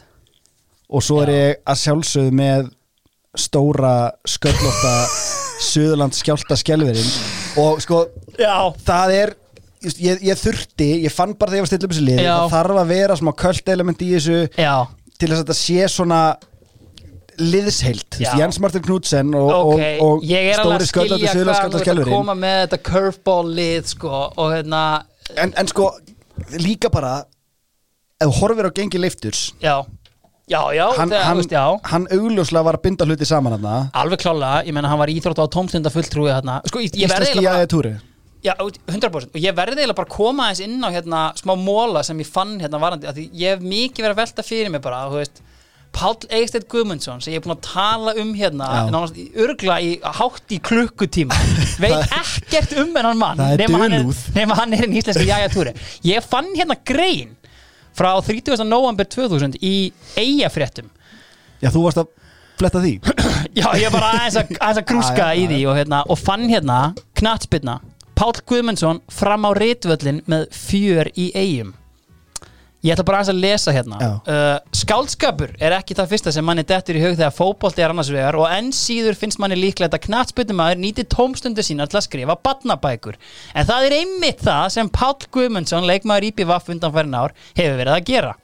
Liggja ekki eftir hann færri en þrjár badnabækur og gerist svo þriðja fjör í vestmannegjum í vestmannegjum eins og nafnið bendir til söguhetjunar, get this Já. söguhetjunar eru Jonni, Birkir og Steini sem eiga sér fyrirmyndir í knaspinu dagsins í dag og má þar nefna Steingrím og Hlini í IPVaf og Þormóð í Káer wow. Sagt er frá ýmsum æfintýrum sem strákarnir lenda í og að sjálfsögðu kemur Keiko við! Og Páll var stattur hérna í síðustu vik og hann er hérna, hérna mynd á honum þar sem hann hefur greinlega farið í einhvern grunnskóla í búningnum með heimaklettin með sér Vá. auðvitað bara svona fyrir eitthvað promo Þú veist það er ekki alveg verið að kaupa hérna Suðurland skjáltan hérna eitthvað hlinur þú verður eiginlega að koma með mér hérna og presentera þetta. Hann er basically að gera það sem að Gunni Helga er síðan búin að gera síðan. 100% og hann, þú veist, ég lesi þetta bara og ég reyndi að googla þessar bækur. Ég finn ekki neitt, þetta er sko fjör í fjör á Selfossi, fjör á Ólafsfyrði Ok. og fjör í eigum og ég bara finn ekki þessar bækur og ég bara kalla eftir því hér með vinsamlegast gefiði mér eintak af þessari bók ég verð að lesa hana fyrir son minn og, og dóttur sko. ég ætla að grípa hérna, hérna sko viðtal við hann. Fyrsta bóki mín hétt fjör á Ólafsfyrði og í ár koma út fjör á Selfossi og fjör í eigum Hann er já, já. er frá Selfossi spi- býr á Ólafsfyrði og spilar fótbolta með IPVaf í eigabókinni koma við sögu menn Stopp, stopp, stopp, stopp, Já. stopp. Hann býr á Ólasferði og spilar í eigum þetta kemur, þetta Þetta kemur er flóknasta líf sem við hingrað aðeins. Sko, uh, hérna segir hann í eigabókinni koma við sögum menn eins og hlinur og byrkir hjá IPVaf og eins held ég að hægt sé að þekkja Edda Garðars sko, er í Sindra Vallarstjóra. Hérna er sérst einhver karakter sem er Sindri Vallarstjóri. Er hann að tala um Eddu Garðars eða er einhver Eddi. Eddi Garðars þarna úti Mér finnst ég að geðveikt fyndið að Edda Garðars sé einhver sindri vallarstjóri. En allavega og, og, og, hérna, og hérna er bókinni gefin út og, og bla bla bla. Og hérna fer hann aðeins yfir hérna, hann er spurður úti hvort að menn eigi vonaði að hann verði íbjöfaf og hérna kemur sko, þetta er búin að vera nokkuð, nokkuð flókin staða hjá mér undanfæri síðustu tvö ára hef ég spilað með íbjöfaf en með vinnu á Ólafsfyrði sem ég er að segja upp, ég er æskulís og tómstendafulltrúi og núna hefur bæst við starf ferðamálafulltrúa Ég kann vel við mig í þessu starfi en nú er komið að ég þarf að velja og hafna og ætli ég að spila mig IPF næsta sumar verði ég að segja upp á Ólafsfyrði Þú veist, fjárvinna, þú veist, eat your heart out. Palli Guðmunds var löngu byrjaður á þessu er, sko. er, er hægt að fara lengri vegaleng bara á Íslandi. Þetta er alveg, þetta er alveg upp þér að fara Ef að þú ert með ferju inn í þessu sko. Já, já, bara, og, þú veist, eða bara eitthvað að rellu Já. að fengi baldur Baldur Bjarnar að með á hann. var náttúrulega hættur að spila þannig að hann var nóg að gera í fluginu. Allan, að- þetta var hérna Þetta Þetta var hérna.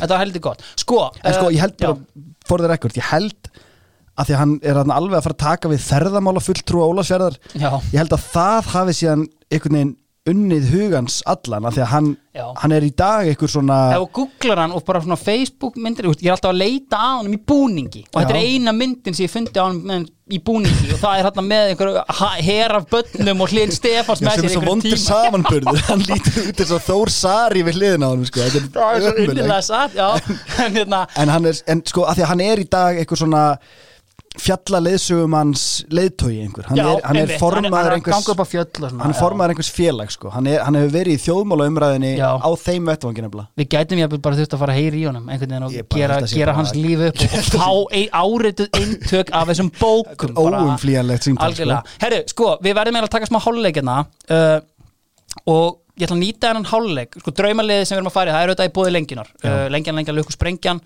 uh, og, og háluleikurinn lengjan hefur verið að kalla þér háluleik en þeir vildu samt í háluleiknum fá að spila hérna, af því að við, við letum verða því Já. ég ringdi í Óskar Ófeg Já. og bara, þú veist fara aðeins yfir mekanisman og þú veist bara, ég held að getum bara fengið að heyra hérna, þú veist bara Óskar getur ekki komið einhvers staðar hérna fyrir og hérna og, og sagt okkur aðeins frá þessu Já, ég ætla bara að finna með einhvern stað hérna.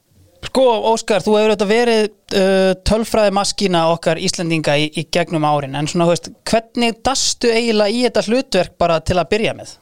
E, þetta var eiginlega bara mín leið inn í, í þetta fréttamannstarfið. Ég notaði þetta bara sem svona til að kynna mig og koma með áfram í þessu. Varstu með einhvern svona database til að byrja með einhvern veginn til að selja þig eða þú veist, hvernig hérna, veist, komstu bara á fund og bara, góðan daginn, ég er tölfræði gúruinn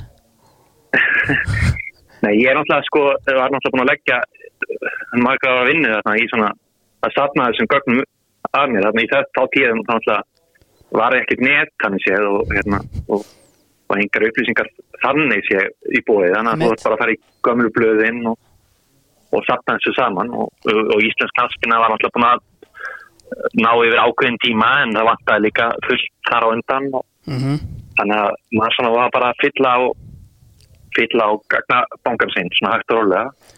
Og það var oftast bara með að það er í gummum blöð og þarna sér. Hvenar, byrja, hvenar, hvenar er það sem þú byrjar að taka þetta saman?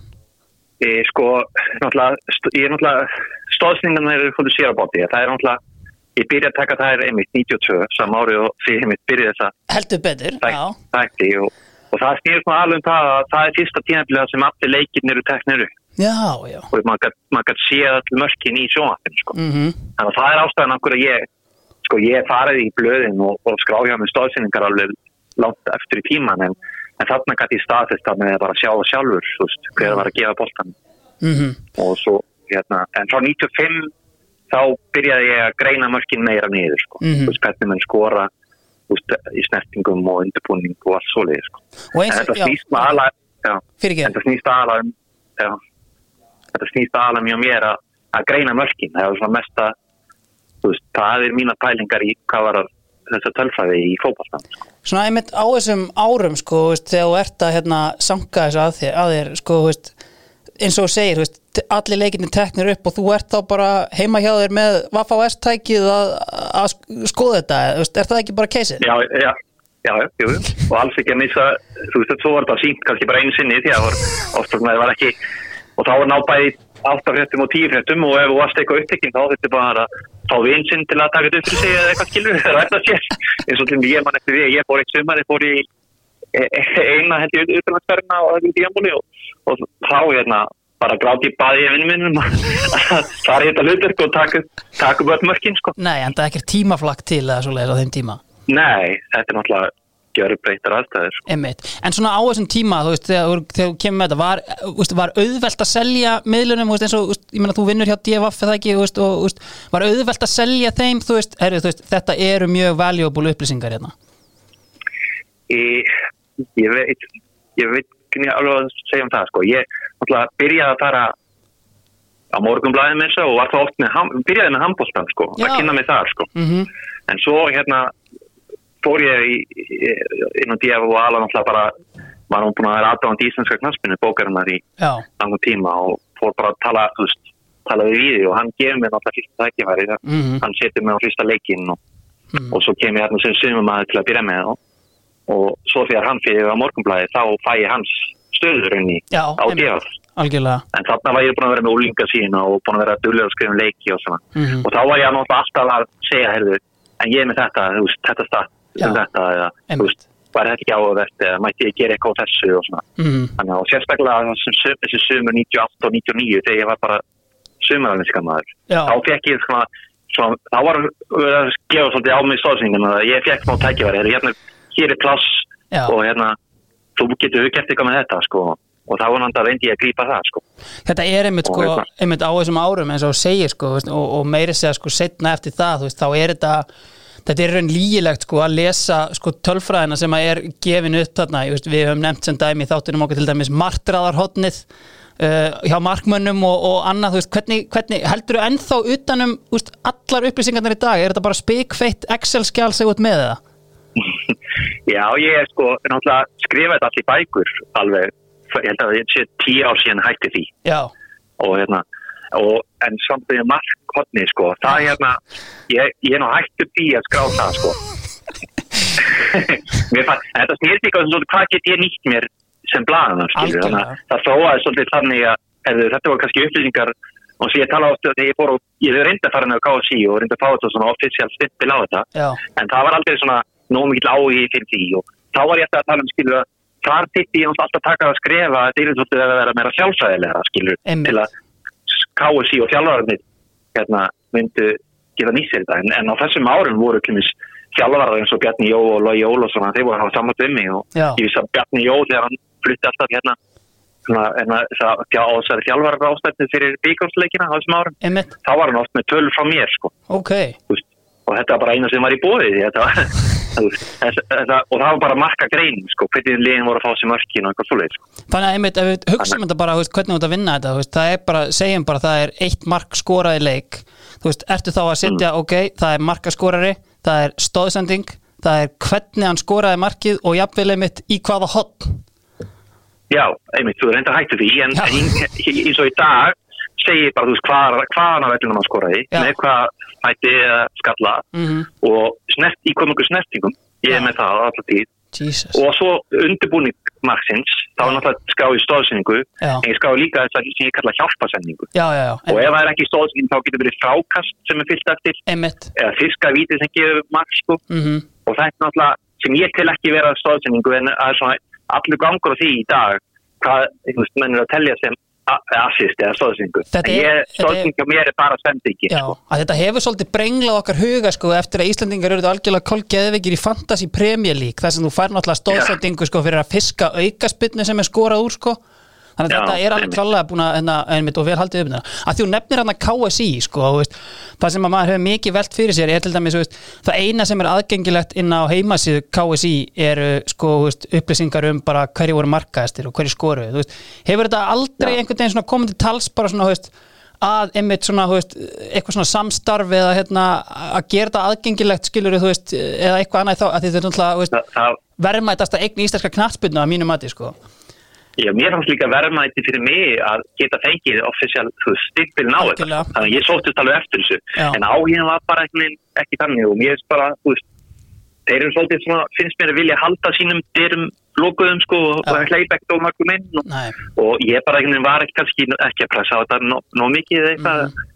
og var náttúrulega svolítið, svolítið anstæðingur því ég náttúrulega var blaðamæður og, og manna ágræð menn í ymsur hlutum sko. Þannig að þannig að þá og hérna, þannig að það var ekkert úr þessi því sko og svo hefur náttúrulega KSI bara undarinn ár hafið samstarf við svona tölfræði grein, greinendur sko Einmitt. og hérna sem er náttúrulega er að ganga mjög látt í að, að greina leikina niður. Mhm. og þá er náttúrulega alls konar viðbúta tölfræði sem ég náttúrulega var aldrei nála því að, að, að taka saman sko. nei En einmitt, En- veist, en- ef þú einmitt pælir í svona, veist, starfinu þín í dag versus þegar þú veist að byrja þetta veist, ertu ennþá svona bara af gamla skólanum að bara horfa á, hérna Pepsi Max mörkin og, og skoða mörkin og gera þetta sjálfur eða er þetta kannski meira á þetta dag að rýna í þessi aðgengilegu sem þú nefnir þarna? sko ég kannski skrifa meira upp úr þessum, að, þessum nýju tölfræðigöngum sem er að fá Já, sko, og getum komast í en sko ég er ennþá að greina mörkin. Já, og hérna og nú vinn ég á sín og, og kemst auðvelda í upptökur af mörkunum. Mhm. og það er hjálpað mér, ég þarf ekki lengur að vera að, taka upp á videotækinu sko en Já. það, það var erfið í dag. Ég, það, ég á nú held ég ekki videotæki sem virkar ennþá. þetta er gummund gamla Já, en, hérna, og, en ég er ennþá að greina mörkin í eftir deild og bæði kalla og hvenna síst ár sko Hvern- og, hérna, og skrifa alltaf grein fyrir það til í bókina hans við sko. Og mér finnst það mjög svona, allavega það er svona mest í stimpilli sem ég fæ á þessa delfæði Alveg. að við var tók vel á mótinni og var tilbúin að setja hann í bókina sko. mm hver, er svona, að- veist, hver er svona þín sín á veist, að því að þú veist í dag erum við bara alveg stútfull af tölfræði upplýsingum og, og aðrir, allir er að greina þetta einhvern veginn í ræmur og, og með verkefni eins og Brentford og, og síðan ertu bara með líka bara þjálfara sem eru svona af gamla skólanum og, og annað einhvern veginn vil ekki sjá svona veist, hver er svona þín sín á bara svona tölfræðina í knattspyrnu? Er þetta veist, meira fyrir fjölmiðlamenn og fólk til að tala um eða veist, er þetta virkilega þú veist veist, eins og bara eða, veist, og bara svona, veist, hvort er þetta meira til gags eða gaman sem svona basically að ég að reyna að koma að Já, mér fannst þetta alltaf vera meira til gamans Já. og meira sem skraut og ég alltaf, þó ég sé alveg á kafi í þessu, þá finnst mér þetta alltaf vera skraut. Þetta, þetta vinnur enga leiki eða, eða, eða, en aftur á mútið finnst mér þetta vera skemmtilegt skraut og ég er tilbúin að leggja mig á að, og nýta það sem þannig. Algjörlega. En svo er náttúrulega, eru, þegar menn taka þessi fyrstu skref inn í hérna heim, þá voru konum með ákveðið fórskar þá já, og þá kannski síðan hafa breytt, tímanni breyst og, og nú eru allir konir á þennan stað og þá er náttúrulega fórskotið farið, einmitt. Þannig að ég held að þessi stundin eins og með margt í svona fókbaltasögunni að vera fyrstur að gera eitthvað sem gengur Einmitt. þá ertu virkilega að hamra jafnir með það heitt sko, en, en svo, hérna mislumst Arsene Wenger, já þannig að hann sem dæmi um það, sko, þú veist, hann var á undan í það mörg, svo mörgum tætt þáttum hvað var þetta, Já. líka með atgerfi og aðgengja mönnum á stöðum sem er voru ekki vannar að nota í ennska boltanum, sko.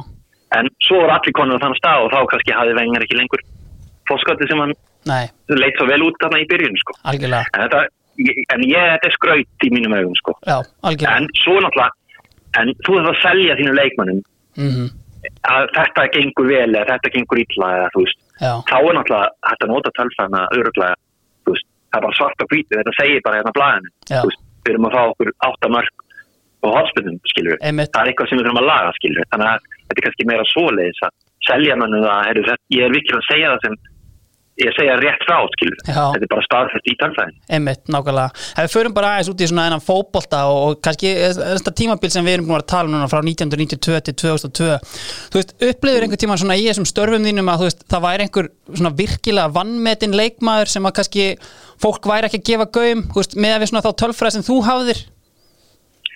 Já, sko, ég hafi náttúrulega Harald hjá, á skaganum. Það er náttúrulega mikill svona minn leikmaður en það, þú veist, fyrstu sex árin sem ég tek saman stóðsynningar í deildinu, þá vinnur hann stóðsynningarnar. Einmitt, Þannig að hann var orðin svolítið minn leikmaður og var kannski, ok, hann skoraði reynda alveg fullt af mörgum og fekk alveg fullt af fullt af aðtikli, hann var samt ekki, sko hann var alls ekki þessi flassi leikmaður sem tók fyrirsagnirnar sko. Ég meina þú getur bara, þú til dæmis bara reynir að googla mynd á honum í dag á Google, þú veist, þú bara færði engar niðurstöður sko. Þú veist, þetta er bara þannig einhvern sko. veginn sko en hann, hann var svolítið minn maður bara út af því að, þú veist, ég, þetta var tölfræðin sem ég var að, þú veist, að promota og, Já. og, og, og hann stóð sér svo vel í henni, sko mm þannig að hann var, ég, þú veist já, ég held að hann sé svona, ef ég ætla að nefna einhvern eitt svona, Já. en, já En er einmitt svona, þú veist, út frá því er, þú veist, er hægt að sjá svona, þú veist, tölfræðilega besta leikmann hérna efstu deildar svona á þessum tímabilum ég, ég, þetta er náttúrulega frekar takmarkað sem ég er með, ég er náttúrulega kannski bara með mörk og stóðsynningar en Mm. þannig að þessi tveir, tveir tvunöfn sem mér finnst allavega lift, stóðsynningar tölfræðin mín liftir upp. Og Mm. það er þá Gummi Ben og, og Atli Guðna, þetta eru menn Já, sem eru tveir eftir menninni í stóðsynningunum frá því ég byrjaði að taka þetta saman 92 mm og hérna Er allir Og- guðina efstur eða?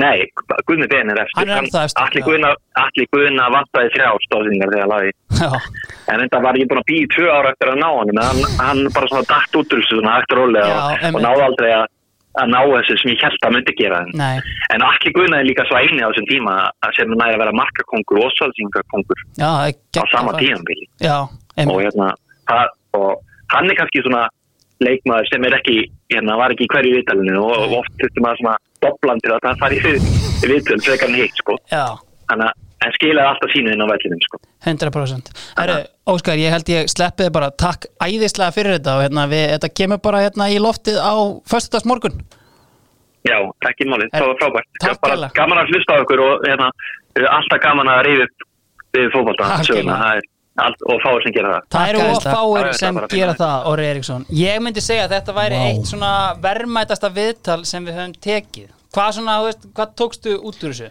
Fyrir það fyrsta, Já, því líkur fagmaður já, algjör og sko við höfum, við höfum gert grína ánum hérna fyrir eins og mart, martraðahotnið sko Við höfum gert stólpagrín svona, veist, bara fyrir our fans. Já, já. Það er öllu tekið á léttu hérna, veist, Já, já, og hann, og hann, hann sagði náttúrulega sjálfur að þetta er til gaman þessi tölfræð sem hann er að taka. Já. og, og, hérna, og mis, getur við sagt, fréttnæm. Veist, hann, hann, er í, hann er í léttum fréttum tengt þessu, en gæinn í sko 10-15 ár er að brúa bil það væri annars bara myrkur. Ég meina 20 ár. Ég meina frá svona cirka, ég meina hann byrjaði að taka stóðsendinga þetta 92 Já. Hann sagði að séu 10 ár sem hann hætti að skrifa í stílabækur. Já, þetta er, þetta er, þetta er ótrúlega elja og það sem að ég að- það sem að ég hegg eftir þarna annars vegar íþróttafréttamenn.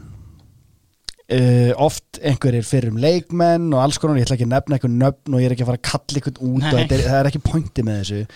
En þetta er svona starf sem er auðvelt að bara svona hérna flæða með í Swinga. swinga Já. það er aðtigli, það er alls konar þetta er gaman, þú verður áhuga á því sem þú ert að fjallum og Já. eitthvað svo leiðis þessi vinna þessi, þessi skýta vinna sem að gæin er að leggja á sig þetta er, þetta er svo verðmætt Já. og þess vegna, setni punkturinn KSI, Þetta er sjúkt hvaða, hvaða rugg er það Já. að geta ekki með einhverju móti tekið þessa tölfræði sem að hljómar eins og hann sé að fæ- færa að gjöf. Já, og færa hana inn í einhver database Já. þið kaupið einhverja sko margra tuga ef ekki hundruða miljóna vefsíðu af Advanja og einhver database já, þú veist í hvaða heimi, jújú, jú, það er verið að veist, í nútímanum er verið að versla við þessi, þessi stóru datafyrirtæki og það eru komnar sko, þú veist, boltin er búin að breytast svo mikið og það tölfræðir orðin svo ótrúlega stór partur af þessu Já. og það er að vera að halda mynda fyrir það og svona en síni sögunni smá virðingu og þessari vinnu sem er búið að leggja í þetta af því að þetta er ótrúlega ómetanlegt fyrir okkur og fyrir fólki sem er að hlusta á þennan þátt og fólki Já. sem er að reyna að svona halda í einhverja nostalgíu og eitthvað svona dót. Ég bara, ég tek hattin minn svo fast ofan fyrir Óskar Ófeg, þetta er ógeðslega velgert Þetta er einmitt sko líka því ég hef keift mér eða svo tekið svona frí træjal á Vicegout skilur Já. og, og Vicegout er ekkert annað en bara veist, dagurinn í dag skilur, þú ferð kannski fjögur, fimm ár aftur í tíman í þessu en þú veist, þú ert ekki með bækurnar, stílabækurnar. Óskars Ófeigs frá 92 eða þú veist, þegar hann fer í þetta eina sumarfrí og, og frændans tekur upp fréttirnar hérna og áfyrir hann mörkin þegar hann kemur heim. Þetta er alltaf ótrúlega sögur. Þetta er einmitt sko veist, og á þessum nótum þú veist höldum áfram með liðið af því að ég meina hann nefnir þarna bara mannin sem að við höfum hérna haldið á lofti í þessum þáttum. Haraldur Goddamn Ingólfsson. God damn. Hann byrjar að taka þessar tölfræðans döðsendingar saman árið 1992 upphaf fótboltans. Upp að fótboltans, enn og aftur. Takk Óskar. Sko Haraldur Ingólfsson er stóðsendingahæstur 92, 3, 4, 5 6 Já. og 7 held ég meira að líka. Þetta er 6 fyrstu tímabilin sem hann er stóðsendingahæstur og hann á, ég meina hann er sko hann er stóðsendingahæstur leikmaður deildarinnar í sko miljón ár eftir þetta. Og það, sem er verðt að bara undirstrykka það sem Óskar Ófeg var að segja þetta eru hreina stóðsendingar það er ekki verið að taka inn í þetta fisku Nei. fráköst eða annað eitthvað svona sem að ég er alveg sammála í seinni tíð þessi fantasi svona hérna þessi fantasi hugsunarháttur jújú, það getur verið fer að taka frákasti þegar þú átt gott skot sem er inn út og hann já, eða fiska já. En, en, en það að þetta séu hreinastóðsendingar gerir meira úr afreiki Haralds Ingólfssonar Já, alveg bara 100%. og ég meina, ég fekk smá móla frá hérna uh, Óskari með þetta. Og veist, Haraldur Ingólfsson á þessi tímabil sem við erum að taka hann er stóðsendikæsti leikmaður dildarnar og ég meina, hann spilar ekki frá sko, veist, síðustu þrjú tímabilin eitthvað svo leiðis, hann að, veist, á sama tíma lættist aftan á honum í annað sætið bæjastjórun Kingi Sig? Já, næst stóðsendingahæsti með 53 ár. Og það er líka gæi sem að veist, við getum gefið er hann honorable tengiliður mention eða er hann, mér finnst þessi varnamæður En kantmaður, Já, frekar en tengilugur sko. Já. Eða, ég held hann hafi mestur út á vinstri kanti en líka kannski eitthvað inn á miðinni en það er klárlega leikmaður sem þarf að fá sjátt hérna. Þú veist, bara fyrir, bara máttastólpi í þessu íbí vafliði, er þetta næstu því myrtur af David Winnie hérna. Þú veist, þegar hann skorar í hérna í uh, úrslitaleiknum 98 þú veist, eða hvort það er, nei, 98 eða ekki, jú, 98 Jú. og veist, klárlega leikmaður sem þarf að gefa meiri göm uh, en allan, veist, minn undisputed vinstri kantmaður er auðvitað Haraldur Ingólfsson Ég með hann líka, það er bara, það kom ekkert annað til greina. Ekki neitt annar. Og ég meina tímabilið hans 93 já, já, 14 mörg algjörlega. 14 mörg, nýju stóðsendingar ef við förum einmitt í það, því að Dominos hérna, er allt gott að frétta á Dominos eða? Er ekki alltaf gott að frétta Dominos? Það er bylting á Dominos, getur sættir. Það er Já, já, já, já, nýja pítsur á matseli. Já, Gott og vel. Prófið er og allt það sko. Maður er alltaf að prófa það sem er nýtt og, gá hvort þetta sé þín.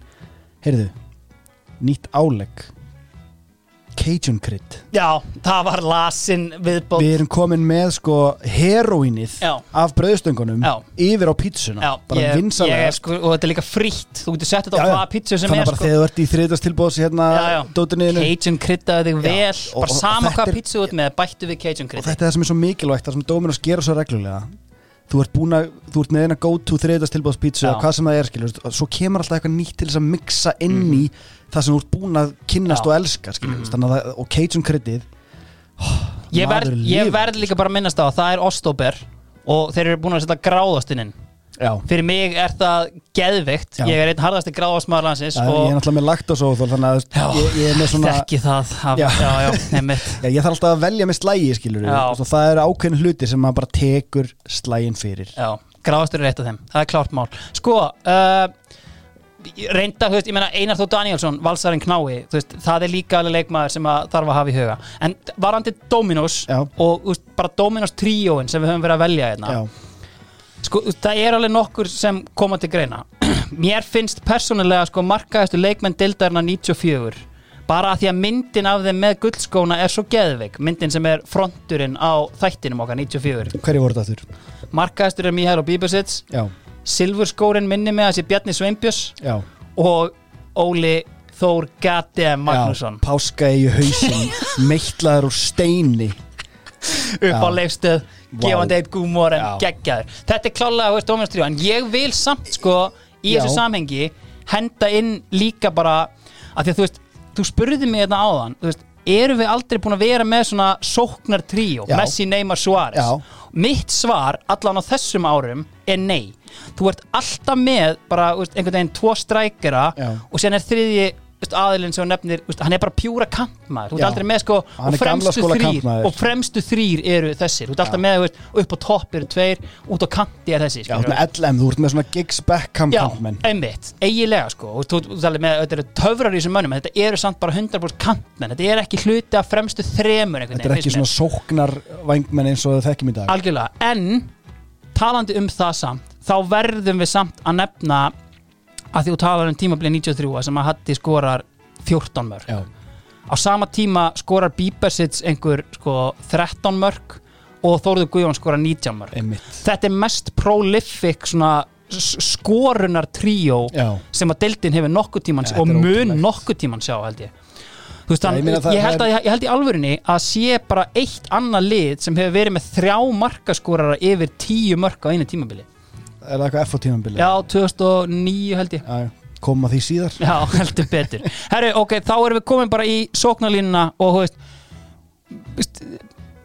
Andri Sigþórs það særir mig eiginlega að þurfa að skilja hann eftir. Uh, hann er svona algjörlega næstur inn. Og glemdi náttúrulega að minnast á það að hann er basically íslenskur Maxim Tsigalko Já, já, hann var náttúrulega championship manager legend Já, alveg rétt, hann bara á Wikipedia síðun hans þá er þetta eiginlega bara svona stærsta segmentið. Og hann á sko einhvern bara þetta, Facebook fanclub bara fyrir hann á Ítalíu og eitthvað.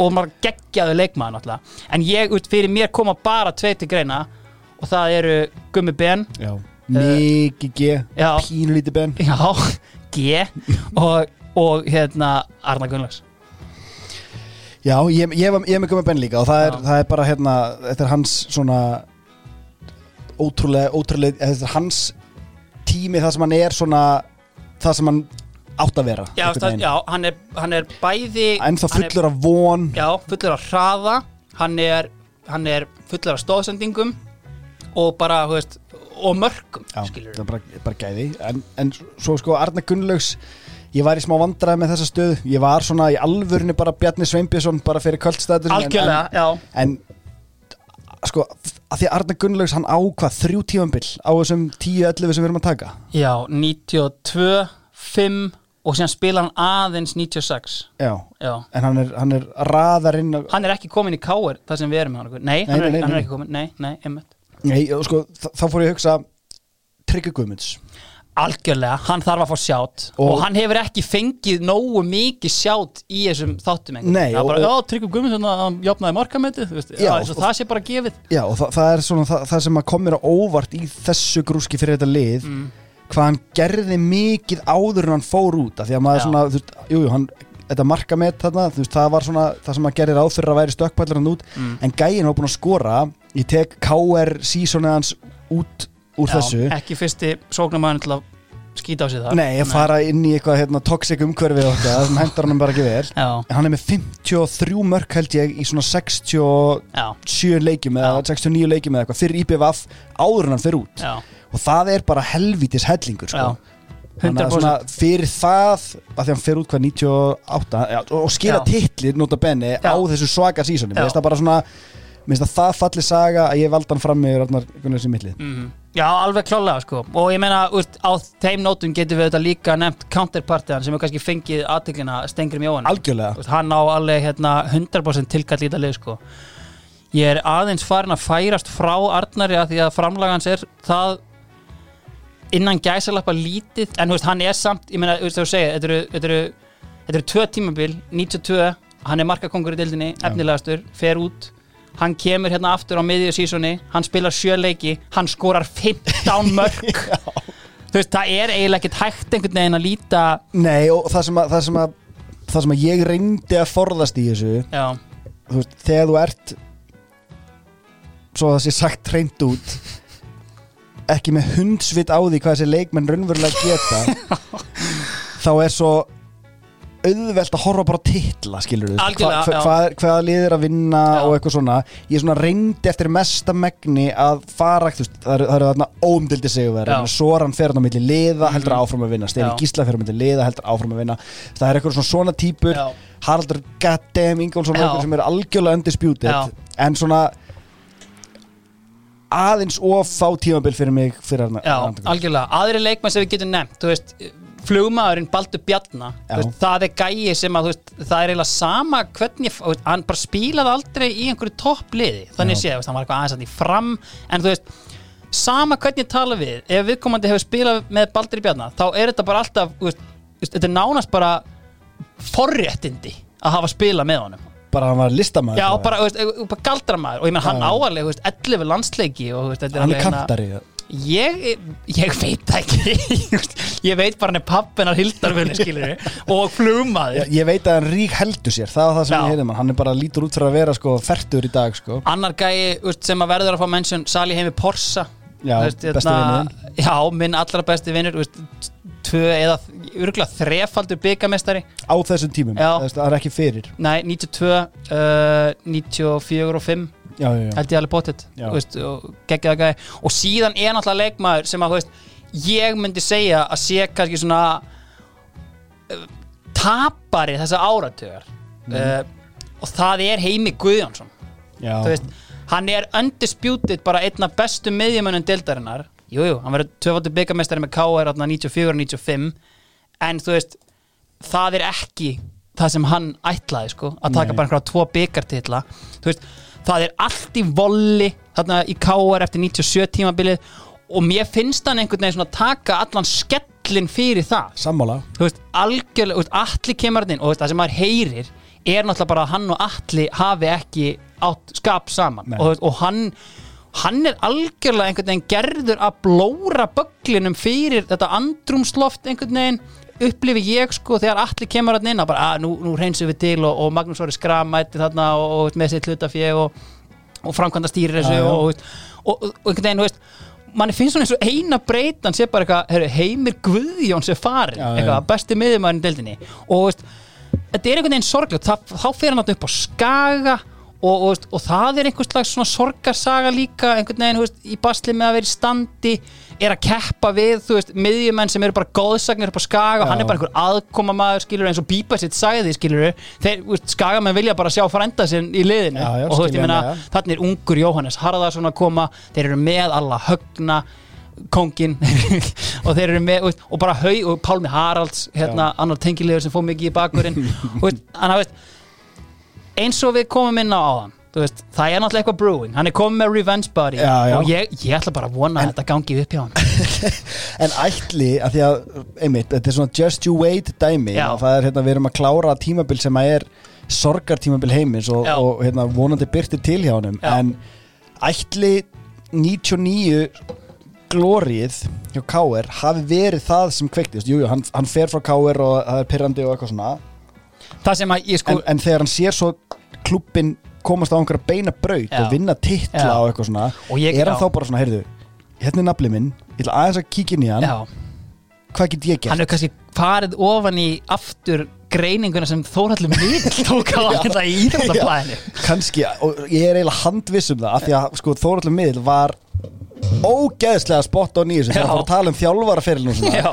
ég held að hann hafi bara lagt ákveðna braut fyrir hann ég held það sko líka bara þú veist, að þú talar um þetta 99 tímabil þetta er náttúrulega ekstra vond fyrir hann að því að bara þú veist helsta breytingin sem Óli Þórðar gerir hérna kortir í byggar og styrtaleik sem hann, þegar hann mætir hérna 99 Já. það er bara heimi Guðjónsson á bekkin og maður svona skilur ekki í dag þú veist, hversu oft hefur maður heyrt bara, og bara, maður bara veit að ákveðin leikmaður, hann er að fara að skora í dag en hann spila gegn sinu gamla félagi. Já. þetta er bara svona uppskrift sem mun aldrei hverfa úr þetta fótbolta. byggar úrslit. 99. Ía Káer Já. já, já, alveg rétt. KR alveg rétt. Og það eina sem Heimi Guðjónsson gerir er að stjórna göngutúr fyrir leik um Einmitt. Vesturbæðin Þú veist, þarna er Óli Þóruðar bara einfaldlega ekki að lesa sal nei, veist, meina, það er bara klárt mál. Og þú veist, þarna, og ég meina í kjölfæri fer hann bara í fyrstu deildina. Og þú veist, það- þú Já. veist, algjörlega sko möll brýtur sér niður Já. til að byggja sig hægt og rólega aftur piece piece. Sjáum hvernig fer fyrir þessum skemmtilega leikmanni. Allan að þetta er svona komin svona helstu nöfnin í þessu þú veist, veist, ef við stillum þessu upp þú veist, máli er að ég hendi þessum leikmannum öllum í hérna, R3 og þeir segja, jú, jú, þetta er flott en ég ætla að endur sko þetta ok, R3 eru auðvitað með hérna, veist, ef þið eru með þessar hérna, skattekjur, eru þið brasi með verktakagreðslur þau eru kannski að stopna gott félag þá heyrið þið bara í mínum önum, R3 rákjöf eru auðvitað með þetta upp á tíu sko, veist, þeir eru búin að hlusta á þettina og bara, þú veist þeir sögðu náttúrulega bara eins og þú Jens Martin Knudsen verður að vera í markinu þarna. Ok. hvað ert að gera? síðan var annað, þú veist, ok þú ætlar ekki að hafa Gunnar Rótsson hvað er að þér? já. Ég, ég, ég, ég bara Sköllótti ánægður með skjálfurinn, þarna. Júrdallurinn þetta eru allt leikmenn, Bíbersits þeir vildu fá Bíbersits inn.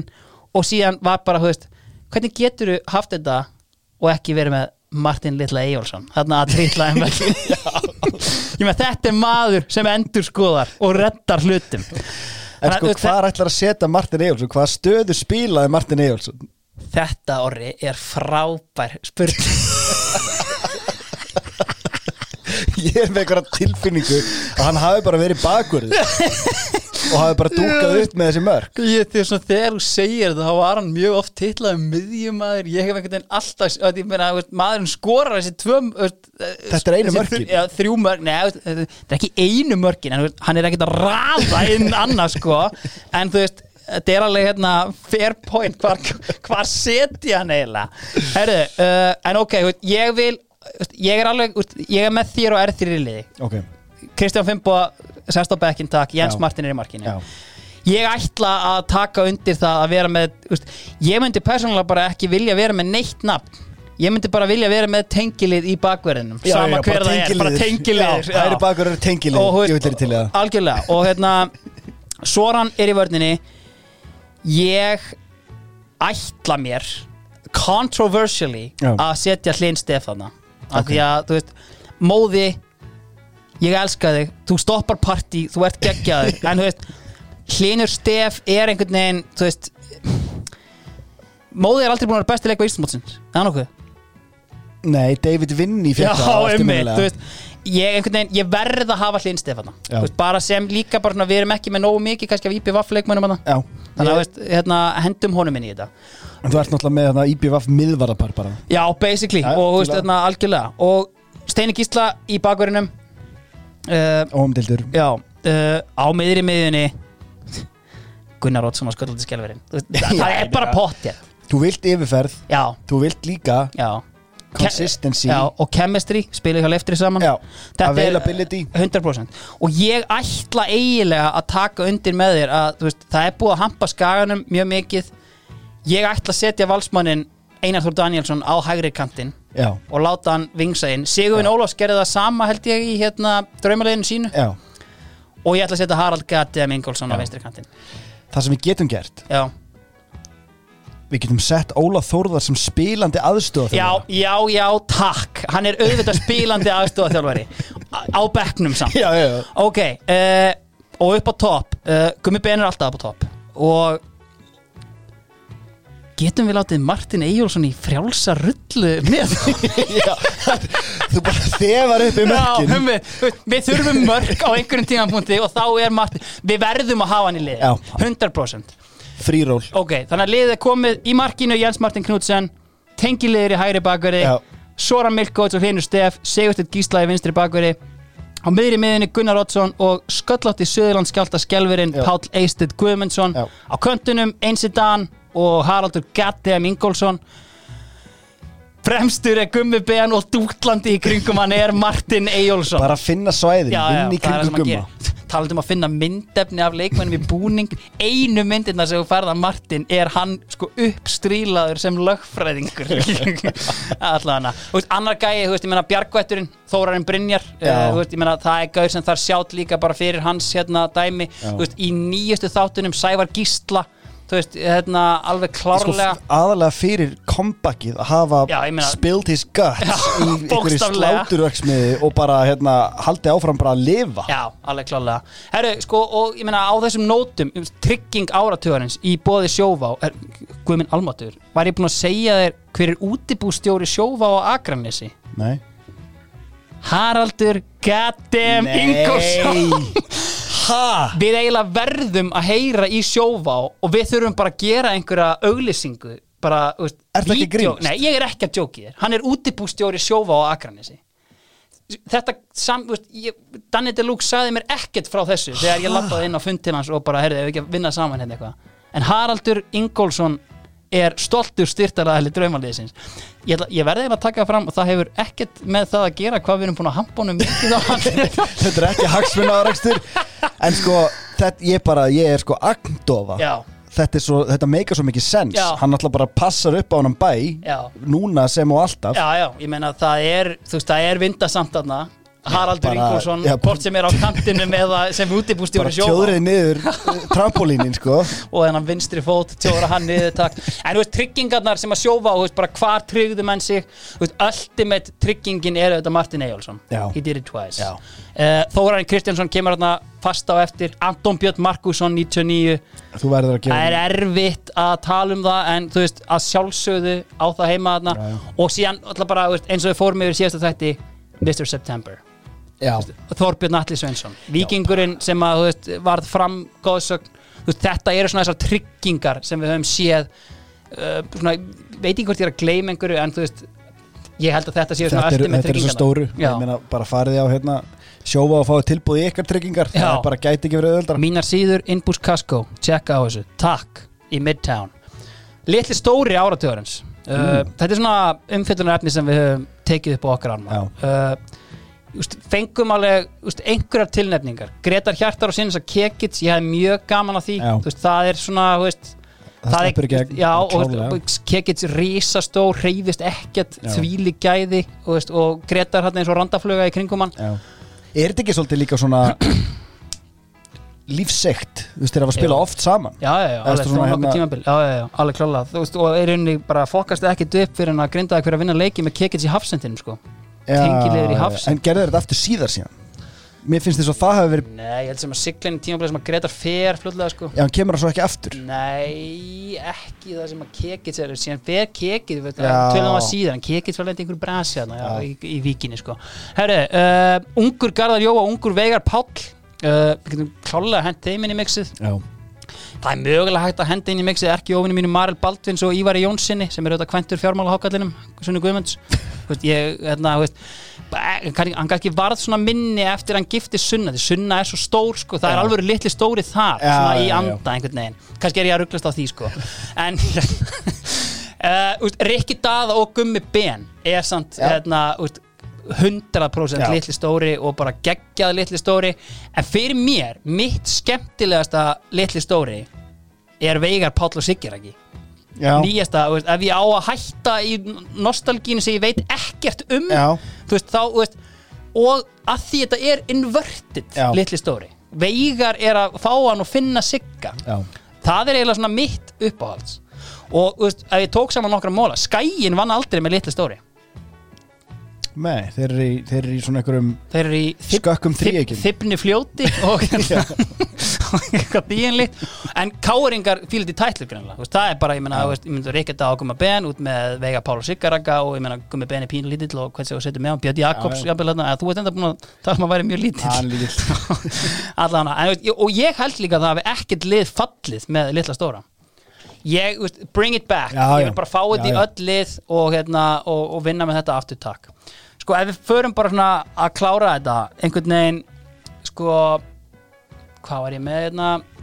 Palla. Ég ætla að fara í pallaleikin úst, af því að ég einhvern veginn átta ekki á því hvort að sé úst, einhver sturluð mótastjórnun í gangi að við séum að fá alla þessa leiki. Ég meina við erum með leikin 96 Já, Uh, Kária já, það sem er bara úst, úst, Upp á Skaga. ennþá held ég metið yfir hérna, bestu mætinguna. uh, engin pallar þar, það er bara brekkan skilur, en síðan er officially fyrsti pallaleikurinn, þegar er hringt í ístak við þurfum palla, Já. það er 98 í frostaskjólinu, þegar. IPVAF vinnur titilinn, þarna 0-2 Uh, 99 ertu halvpartin með pallaleik Rímats, þú veist, í næst tíustu umferðinni Já, 2001 ertu með 100% pallaleik í hérna, IPVAF IA Já, þó að hafi fáir skagamenn komist og einhverjir orðið eftir á bryggjunni að þá er þetta 100% pallaleikur og 2002 ertu með fylki káir þú veist erum við að lesa of mikið er þetta bara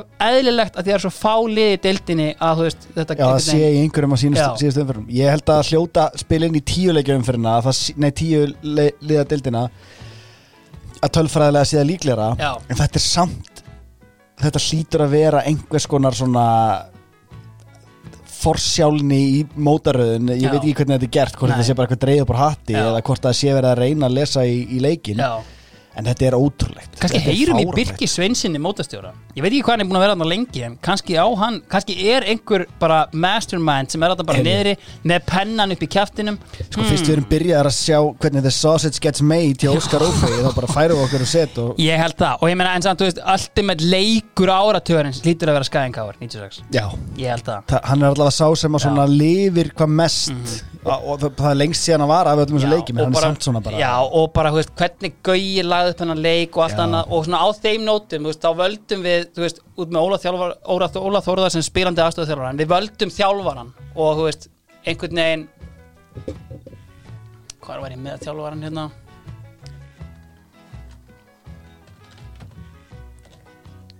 Ítti honum út allavega.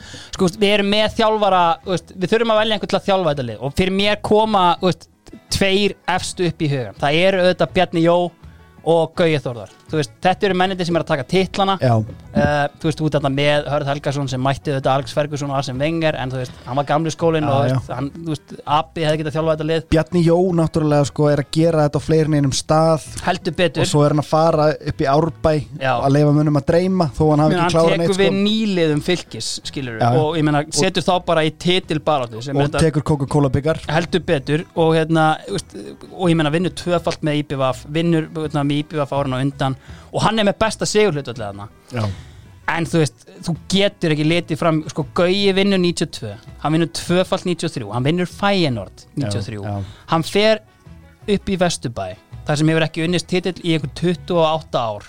Hann tekur tvo byggartitla í röð kennir þeim að vinna titla. Hann fer aftur upp á skaga tekur titil þar með einhverjum misfits og 17 ára sinni sínum sem skora Já, já. 13 mörg og þú veist, síðan gerir hann vinnur hann Frakland 1-1 Já, já. Þú veist, það er einhvern veginn ekki hægt að velja ekki Guðjón Þórðarsson já, já. en að því að við erum svona í já. þá getum við þetta ekki annað en valið Kristinn Gaddem Björnsson sem þjálfara þessar lið já ekki skíðamannin ekki bróður Alla Viðars heldur hlýðamannin, ekki skíðamannin Kristinn Björnsson. Sko, sko eh, þú leiðir þetta með að vera að fara með já, hérna. Hann var í skýtvinnunni já, já, hann var að móka og móka þessi, þessi, hérna, þessi tilveitnun í hann. Já. það hefur nóg verið talað. Nú er það bara að móka og bjargar val frá fallið með betur. Oftar reynur sinni að það. Ég held að hann hafi gert það tvisvar. Já. uh, En síðan alltaf er hann að þjálfa liði 99 og er hann að fæ stígvelið og Ingi Björn kemur inn sko. Hann að veist, ja, hann fjall ekki. hann fjall Nei. Það er ekki hægt að segja og, hvað er gert já. og hann er að þjálfa leiftur 97 Já.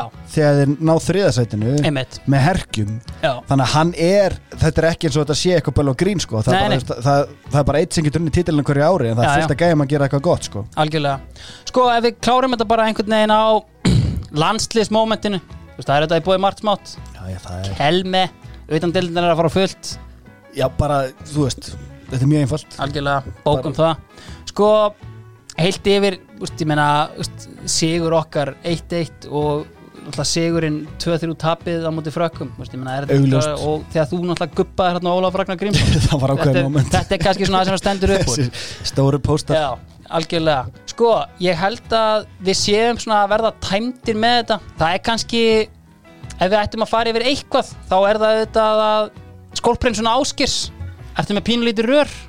Já, þá ringir ég þá. Bara er eitthvað hljóð sem kannast ekki við? Er einhver svona, þú veist, hvað stendur upp úr hjá leikni? Kannski svona á, á þessum hérna, sko á- er náttúrulega þessir ótæljandi já frá, hérna, frá kongurum fættum 84 Já, það sem að þeir svona hérna, þeir ala upp eitthvað eitthvað svona sigurvegara element þarna. Já, sem einhvern veginn náði þó ekki að festa sess í Evra Brjáltinu sko það, það mætti færa rauk fyrir því að þeirra Ætlar að segja mér að þessir menn hafi labbað svo að þeir getur hlaupið ég ætla bara nákvæmlega að segja það.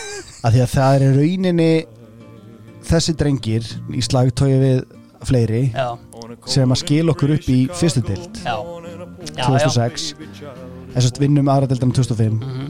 Hver er besti leikmaður leiknis á þessum árum? ætla að sé ekki Robert Arturs Buxi er, er, er, Herra Buxi. Buxi er ungur hérna sko Robby er held ég ennþá markahæsti leikmæri söguleiknis. Bróðir. Pétur Sáþórsson en ég ætla að segja Haugur Gunnarsson. Hann er náttúrulega Bróðir Vals eða? já, Er það? Tjóðli er þetta mikið innbrýnt veistla heyrðu, Þetta er allt Hann- sama lið hans fadir er hans móður þetta er ekkit öðru sem breytir þetta nefn á skaga. þannig Já, Nei, ég er náttúrulega hérna að því ég var að hugsta frá 92 sko. ég ætla samt að segja þetta sér því að það er náttúrulega bara einn ein mesti famaðurinn fyrirliði, já, fyrirliði innan og utanvallar mhm. Fyrirmynda manneskja. Já, ég heldur séum bara að verða svona frekar tæmdir í þessu. Uh, Eigum við eitthvað svona good shit lokalag til að loka þessu ári? Já Hvað er það, hérna, ef þú ættir að- að sömma upp einhvern veginn áratugin eða veist, í hvaða hugleggingum ég setti þig svona aðeins Já. í hérna lokalagið við, við náttúrulega Setti þið reyndar ekki, ég er að setja það núna við, við erum náttúrulega að kveðja tímabil. Já, og uh, við erum að kveðja sko ekki bara nokkra leikmenn og þjálfara og annað sem við munum ekki geta talað um aftur. Nei, nei, það er líka bara svona changing of the guards svo við hérna Já, já. við að, við changing að of the goddamn guards. það, það eru hlutir einhvern veginn að brewing, þú veist, Já. Mordor það er alltaf matla þar sko, þú veist, þannig að það er bara við erum að sigla inn í tímabil sem að hérna sem heldur gott. Uh, en bara þegar við erum í einhverjum svona minningum og þetta er svona reminisce þá er heldur gott að loka þessu á, Ég á hljómsveit sem að Á Er að kveðja okkur. Þeir eiga gamlar myndir. Þegar gamla myndir sem að við erum að við erum að glugga í gamla myndir. Já, það er bara, þetta er nákvæmlega sem við erum að gera. Sko, uh, 2003 Ættum að fá það í næstu viku Orri, eru ekki bara góðir að? við erum heldur góður Takk fyrir okkur. Ég á gamlar myndir.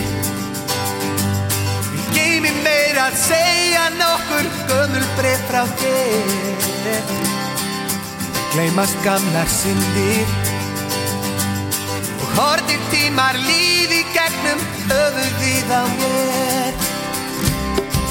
Vertu mér hjá, lóð mér að sjá Hvað þetta var sem dró mig svona Lóð mér að ná, því að mér brá Hvað þetta var sem dró mig svona að þér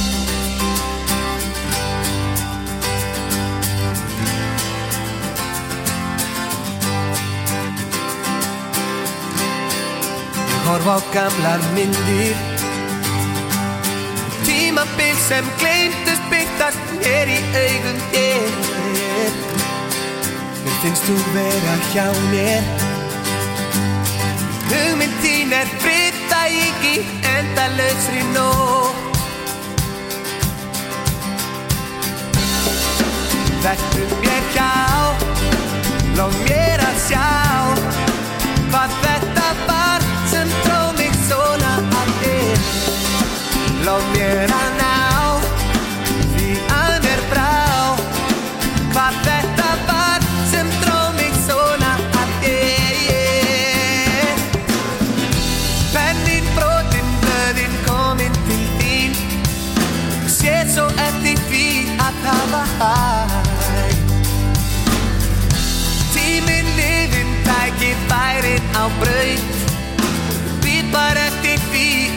komast heim Að komast heim Ó, ó, ó Þú var senna kveldi Nóttin tekur við mér brottum örmum þínum út. Sem tár á köldum steini